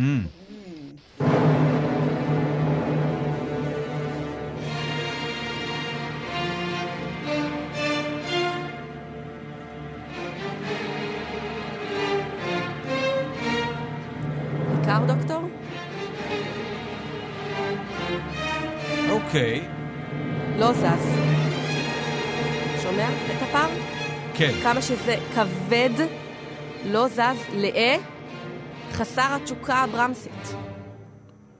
אבל עדיין מעניין. לא אמרתי, נורא. אבל תשמע, זה פרק ארוך מאוד. הפתיחה פה ירוקה, צריך באמת בשביל השוואת אה, ביצועים לשבת ולהקשיב לביצוע שלם. כן. אבל נכון שהבחנת? כן, כן, בהחלט. ברגע שהוא מתחיל ככה, בטמפו כזה, אז יש פה כבר השתלטות רצינית של גלן גולד על האינטרפטציה, על אף שזה, שוב, אתה לא שומע פה פסנתר, ובכוונה רציתי להביא את התזמורת כדי שאנשים יבינו מה ההשפעה של סולן על קונצ'רטו. כן.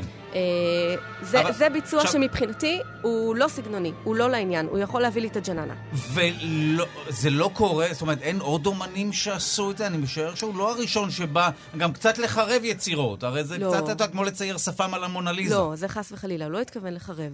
אבל אני חושבת שהייתה בו מידה מסוימת של יוהרה, שהוא אמר, חבר'ה, אני, הולך לקרוא אותם הפעם מההתחלה. אתם כולכם פה שנים, אה, עשרות שנים, מאות שנים, עושים דברים. אבל אולי באמת הגיע אני- הזמן שמישהו יטלטל את עולם המוסיקה הקלאסית עם כל מיני וואוות כאלה. אנחנו בכאן כל המוזיקה מטלטלים אותו יום-יום. אבל אנחנו עושים את אנחנו יודעים את זה. אבל אנחנו עושים את זה בטקט, ואנחנו לא עושים את זה על חשבון המלחינים שלנו. אז אולי צריך לעשות את שלנו. זה ללא טקט וכן על חשבון המלחינים. רגע, בבקשה, דוקטור יונת ישחר. אתה שאלת קודם אם אה, באך היה, היה מרוצה מזה. כן, אני... וצריך לשאול, ואני חושבת גם, האם זה משנה? זה קצת נכון, כמו השאלה נכון, של, נכון. נכון של. אה, למה התכוון המשורר. נכון. עכשיו אנחנו- הרבה אנשים אומרים, "ה- הפירוש הוא של מי שקורא. את צודקת לגמרי שברגע מה ששחררת. יצירה זה כבר לא שייך ליוצר, אבל... מה שהוא אבל השאלה היא מהי בעצם זה- יצירה. השאלה היא מהי גם יצירה. נכון, ואנחנו, נכון, אמני נכון. הביצוע, שלא כמו באומנויות אחרים, אנחנו, אמנויות אחרות, אנחנו אחראים בדיוק על. שימור אמנות הביצוע, וזאת יצירה אחרת, צריך להבין את זה. לכן... לכן אני נורא מתעקשת שת, שתהיה איתי על הנייר בעניין הזה, שאומנות הביצוע היא אומנות בפני עצמה, ובעולם המוזיקלי תפקיד, תפקידה הוא מוזיאלי. מעניין, מעניין מאוד. אז זה הוא לא היה אה, מסכים איתך, כנראה ולכן, שהתפקיד שלה הוא מי מוזיאלי. לא, מי לא היה מסכים גולד. איתי? גול טען שהוא אחראי על המוזיאון. בואי נאמר זאת כך. את- זו שאלה אתם טובה מבינים? באמת. זה, זה עניין כן. מאוד מאוד רציני. אבל זה באמת עניין של תפיסה, שאלה פילוסופית קצת. זאת שאלה פילוסופית אסתטית. כן צריך להבין משהו כן. באסתטיקה בשביל בכלל להיות חלק מהדיון הזה. נכון. או, או כן, נכון, לפחות שתהיה איזושהי דעה או, אה, וכולי. אוקיי, אני... שוב, אני אה, בכוונה כן. שואל, יש עוד נגנים כמוהו שעשו אינטרפרטציות שהגיעו לכדי שינוי של יצירות, או שלא המון? זאת אומרת, הוא באמת היה שוב, one of a kind. לא שינוי, לא שינוי שוב, אבל קריאה מאוד פרובוקטיבית, נאמר, או, או נסערת. הוא, אני לא יודעת אם ברמות שלו, כי מה שמשמעותי במקרה שלו זה שהוא פתח צוהר לעולם שלם ולחופש אחר. כן חשוב להגיד עליו עוד כמה דברים. הוא היה טיפוס מאוד מאוד אמיץ, כנראה כן. היפוכונדר לא קטן, והוא פרש מ- מעולם הבמה בגיל מאוד צעיר, והלך לסטודיו עם להקליט. הוא לא היה בעניין של אה, קונצרטים חיים יותר, בישל לעצמו הקלטות, דבר שאז התקבל בביקורת לא קטנה. אינדיבידואליסט אמיתי, דודו. כן, אה, כן, הוא טיפוס טיפוס, קראתי עליו אתמול, ממש. טיפוס שלדעתי היית מאוד מעריך. כן, נשמע. ככה, נשמע כך. אמיץ מאוד. אה, באמת פורץ דרך. מעניין מאוד. Uh, תודה רבה, זה היה uh, מרתק. Uh, שוב נודה למנהלת כאן כל המוזיקה יעל צ'רני. אגב, אנחנו נסיים עם השמעת הפתיח של התוכנית וגם חלוקת הפרס ברשותך בנוכחותך, כי לא כל יום מכבדת אותנו בנוכחותה מנהלת של רשת שידור. בדרך כלל אנחנו גג מגיעים לעורכת המשדר ענת רחל אורי. אז אנחנו קודם כל נשמיע לכם את הפתיח. של התוכנית. אפשר בבקשה לשמוע? תודה שחשפתם אותי לזה. רק את הפתיח. הנה, יאיר ניומן, הטכנאי שלנו מיד ישלוף את הפתיח. הפתרון של החידה הוא... הפתיח של התוכנית אלף, משנות ה-80. איזה חמוד הוא היה. גורדון שמווי, אלף אליאן לייפורם, ראשי תיבות, על משפחת טנר, שערכו את הטיפוס הנמוך הזה שהגיע מכוכב מלמק לחצר שלהם, ובעיקר אכל חתולים, בתוכנית מקסימה, שיצר פול פוסקו, שגם בסופו של דבר דיבב את אלף. באמת, זה היה סיטקום פורץ דרך. אז תודה רבה לכל מי ששלח לנו את המסרון, והמפיקה שלנו, ענת רחל אורי, כבר בדרך למי ששלח את הפתרון, את התשובה הנכונה, ומי שזכה, אתה מקבל את הספר מתנה מיוחדת ליום ההולדת של הסופר ספי חלפון, מתנת סטימצקי. וכעת אנחנו רוצים לדבר עם מי שאנחנו אוהבים בדרך כלל לסגור תוכניות איתו, וגם זה מה שנעשה היום. אנחנו מדברים על דירוג, אנחנו רוצים לומר שלום לאומן המשחק והמדרג הלאומי שלנו, אורן ברזילי. שלום, שלום. ש... מה אני מקבל, דודו? מה אני מקבל? האם אתה רוצה את הספר אה, מתנה מיוחדת ליום ההולדת של הסופר ספי חלפון מתנת סטימצקי? נשאל את העורכת שלנו, רח... ענת רחל כן? אורי, אם יש עוד עותק. יש עוד עותק? הנה, היא תשלח לך אוף דה. הנה, בבקשה.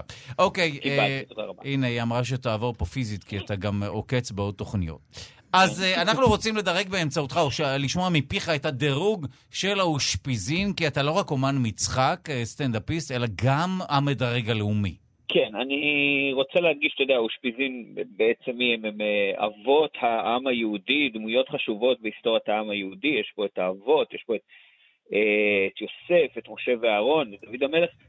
וכל זה טוב ויפה, השאלה בעצם, אתה יודע, אני אשכרה אמור לארח אותם בסוכה שלי, וזה שהם סלבים זה נחמד מאוד, אבל איך זה יהיה, זאת אומרת, את מי באמת אתה רוצה, מי יהיה הכי טוב כאורח בסוכה? שאלה מעולה. שזה השאלה שמעניינת אותנו, כי בסופו של דבר אתה אמור גם לארח את האנשים האלה.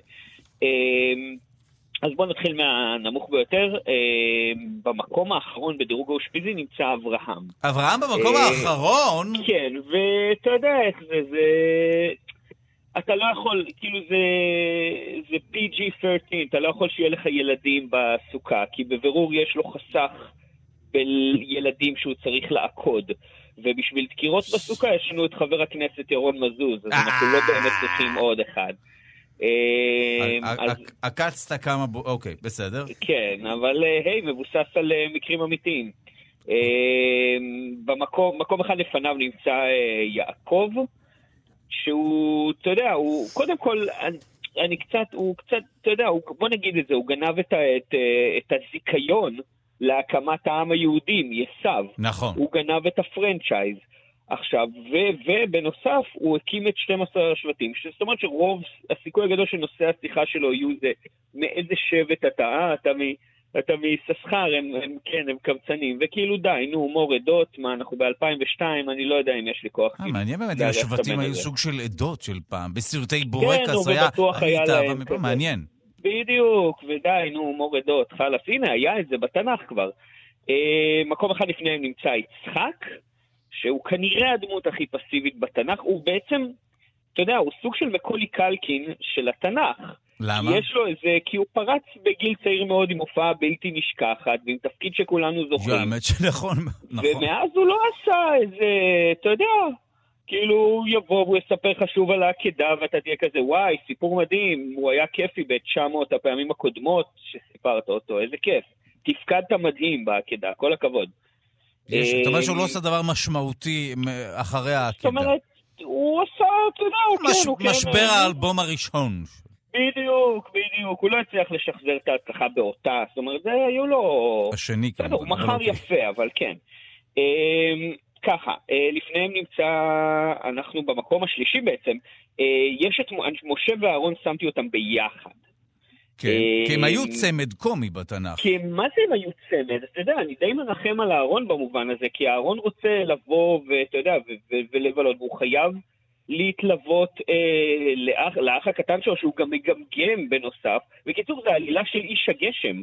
מעניין. זה מה שקורה שם, הוא מגלה שלאח שלו יש כוחות על, אז בסדר, בוא איתנו. זה בדיוק מה שקורה באיש הגשם. אה, אז הם, אתה יודע, הם באמת אה, זוג קומי, אבל... אה, קצת, כאילו, אנחנו לא... אה, משה הפך למגה סלב, אהרון פחות, לא? כן, כן. הוא, אתה יודע, הוא כזה פשוט היה מסתובב ואומר, אה, אה, משה? כן, אני אח שלו. כזה.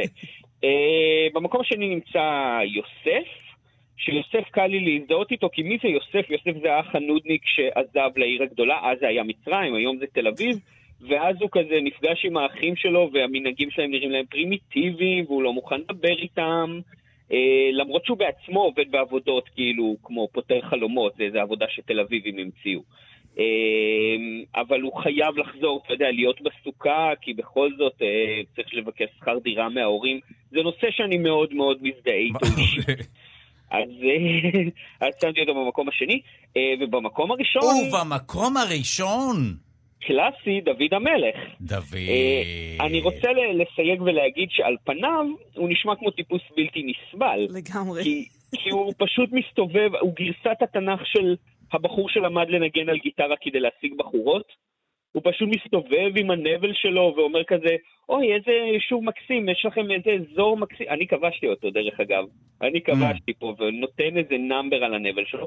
אבל אני חייב להגיד שהוא מפגין הת- התנהגות מאוד, מאוד ממלכתית, כי הוא הולך שם, הוא בעצם, אה, הוא ויונתן באים כסווינגרס, אבל איכשהו הם תמיד לא, לא מתחילים עם אף בת, הם פשוט עוזבים לבד, ודוד ויונתן ביחד, ואני חושב שזו התנהגות מאוד ממלכתית מצידו. לא מתחילים אף בת, מה עם. בת שבע? אה, כן, את צודקת שאפשר לעדכן את מה שהוא אמר, למרות שאם... אם- איזה מזל שאני מקווה שלא המון אנשים שמעו עכשיו את מה שאמרת, את ה... שלדעתי הסתבכנו עם כל בן אדם אפשרי. ש... כן, אוקיי, אני חושב הסיפור. שהתחלנו להסתבך עוד בדקירות בסוכה, נכון, אבל אה, נכון, עכשיו נכון. זה רק היה כאילו. לגמרי. טוב, אלה אוקיי, שנשארו. אה, אז במקום הראשון אתה אומר שדוד המלך. כן. ובמקום כן, כן, האחרון, אברהם. מעניין. כן, כן, אתה יודע. מעניין. אה, וזה- וזהו. טוב, זה אנחנו רוצים לאחל לך כמובן חג שמח, ותודה רבה לאומן המצחק אה, והמדרג הלאומי שלנו, אורן ברזילי, תודה רבה. תודה רבה. ואנחנו בעצם אה, סיימנו את השעתיים האלה. הנה יצירה שהיא, אה, אגב, המוסיקה של הסרט אה, 12 קופים, אבל בגלל האקורדיון, והזכרנו את פסטיבל האקורדיון ביום שלישי הבא, ב-10 באוקטובר, אז הנה, נסיים עם היצירה הזו. אנחנו קודם כל אה, נודה לכל מי שעמל על המשדר הזה. תודה רבה לעורכת המשדר ענת רחל אורי, המפיקה היא ענת רחל אורי. המאפרת היא דניאלה בן יאיר, הטכנאי על הביצוע הטכני כמובן יאיר ניומן. תודה רבה ליגאל שפירא שמלווה את המשדר הזה, ותודה מעומק הלב למי שליוותה את המשדר הזה והסבירה לנו על פרס הנובל שחולק אה, אתמול וגם על הניאנדרטלים, דוקטור יונת אשחר. אה, שהיא מומחית להתנהגות בעלי חיים ממכון דוידסון, הזרוע החינוכית של מכון ויצמן למדע. תודה רבה. תודה רבה, שיהיה לכם חג שמח. אה, אנחנו בעצם שווים בתום חג, אבל תוכלו לשמוע אותנו בשלל לקטים החל ממחר, עד שהחג יסתיים. שיהיה לכם כמובן חג שמח.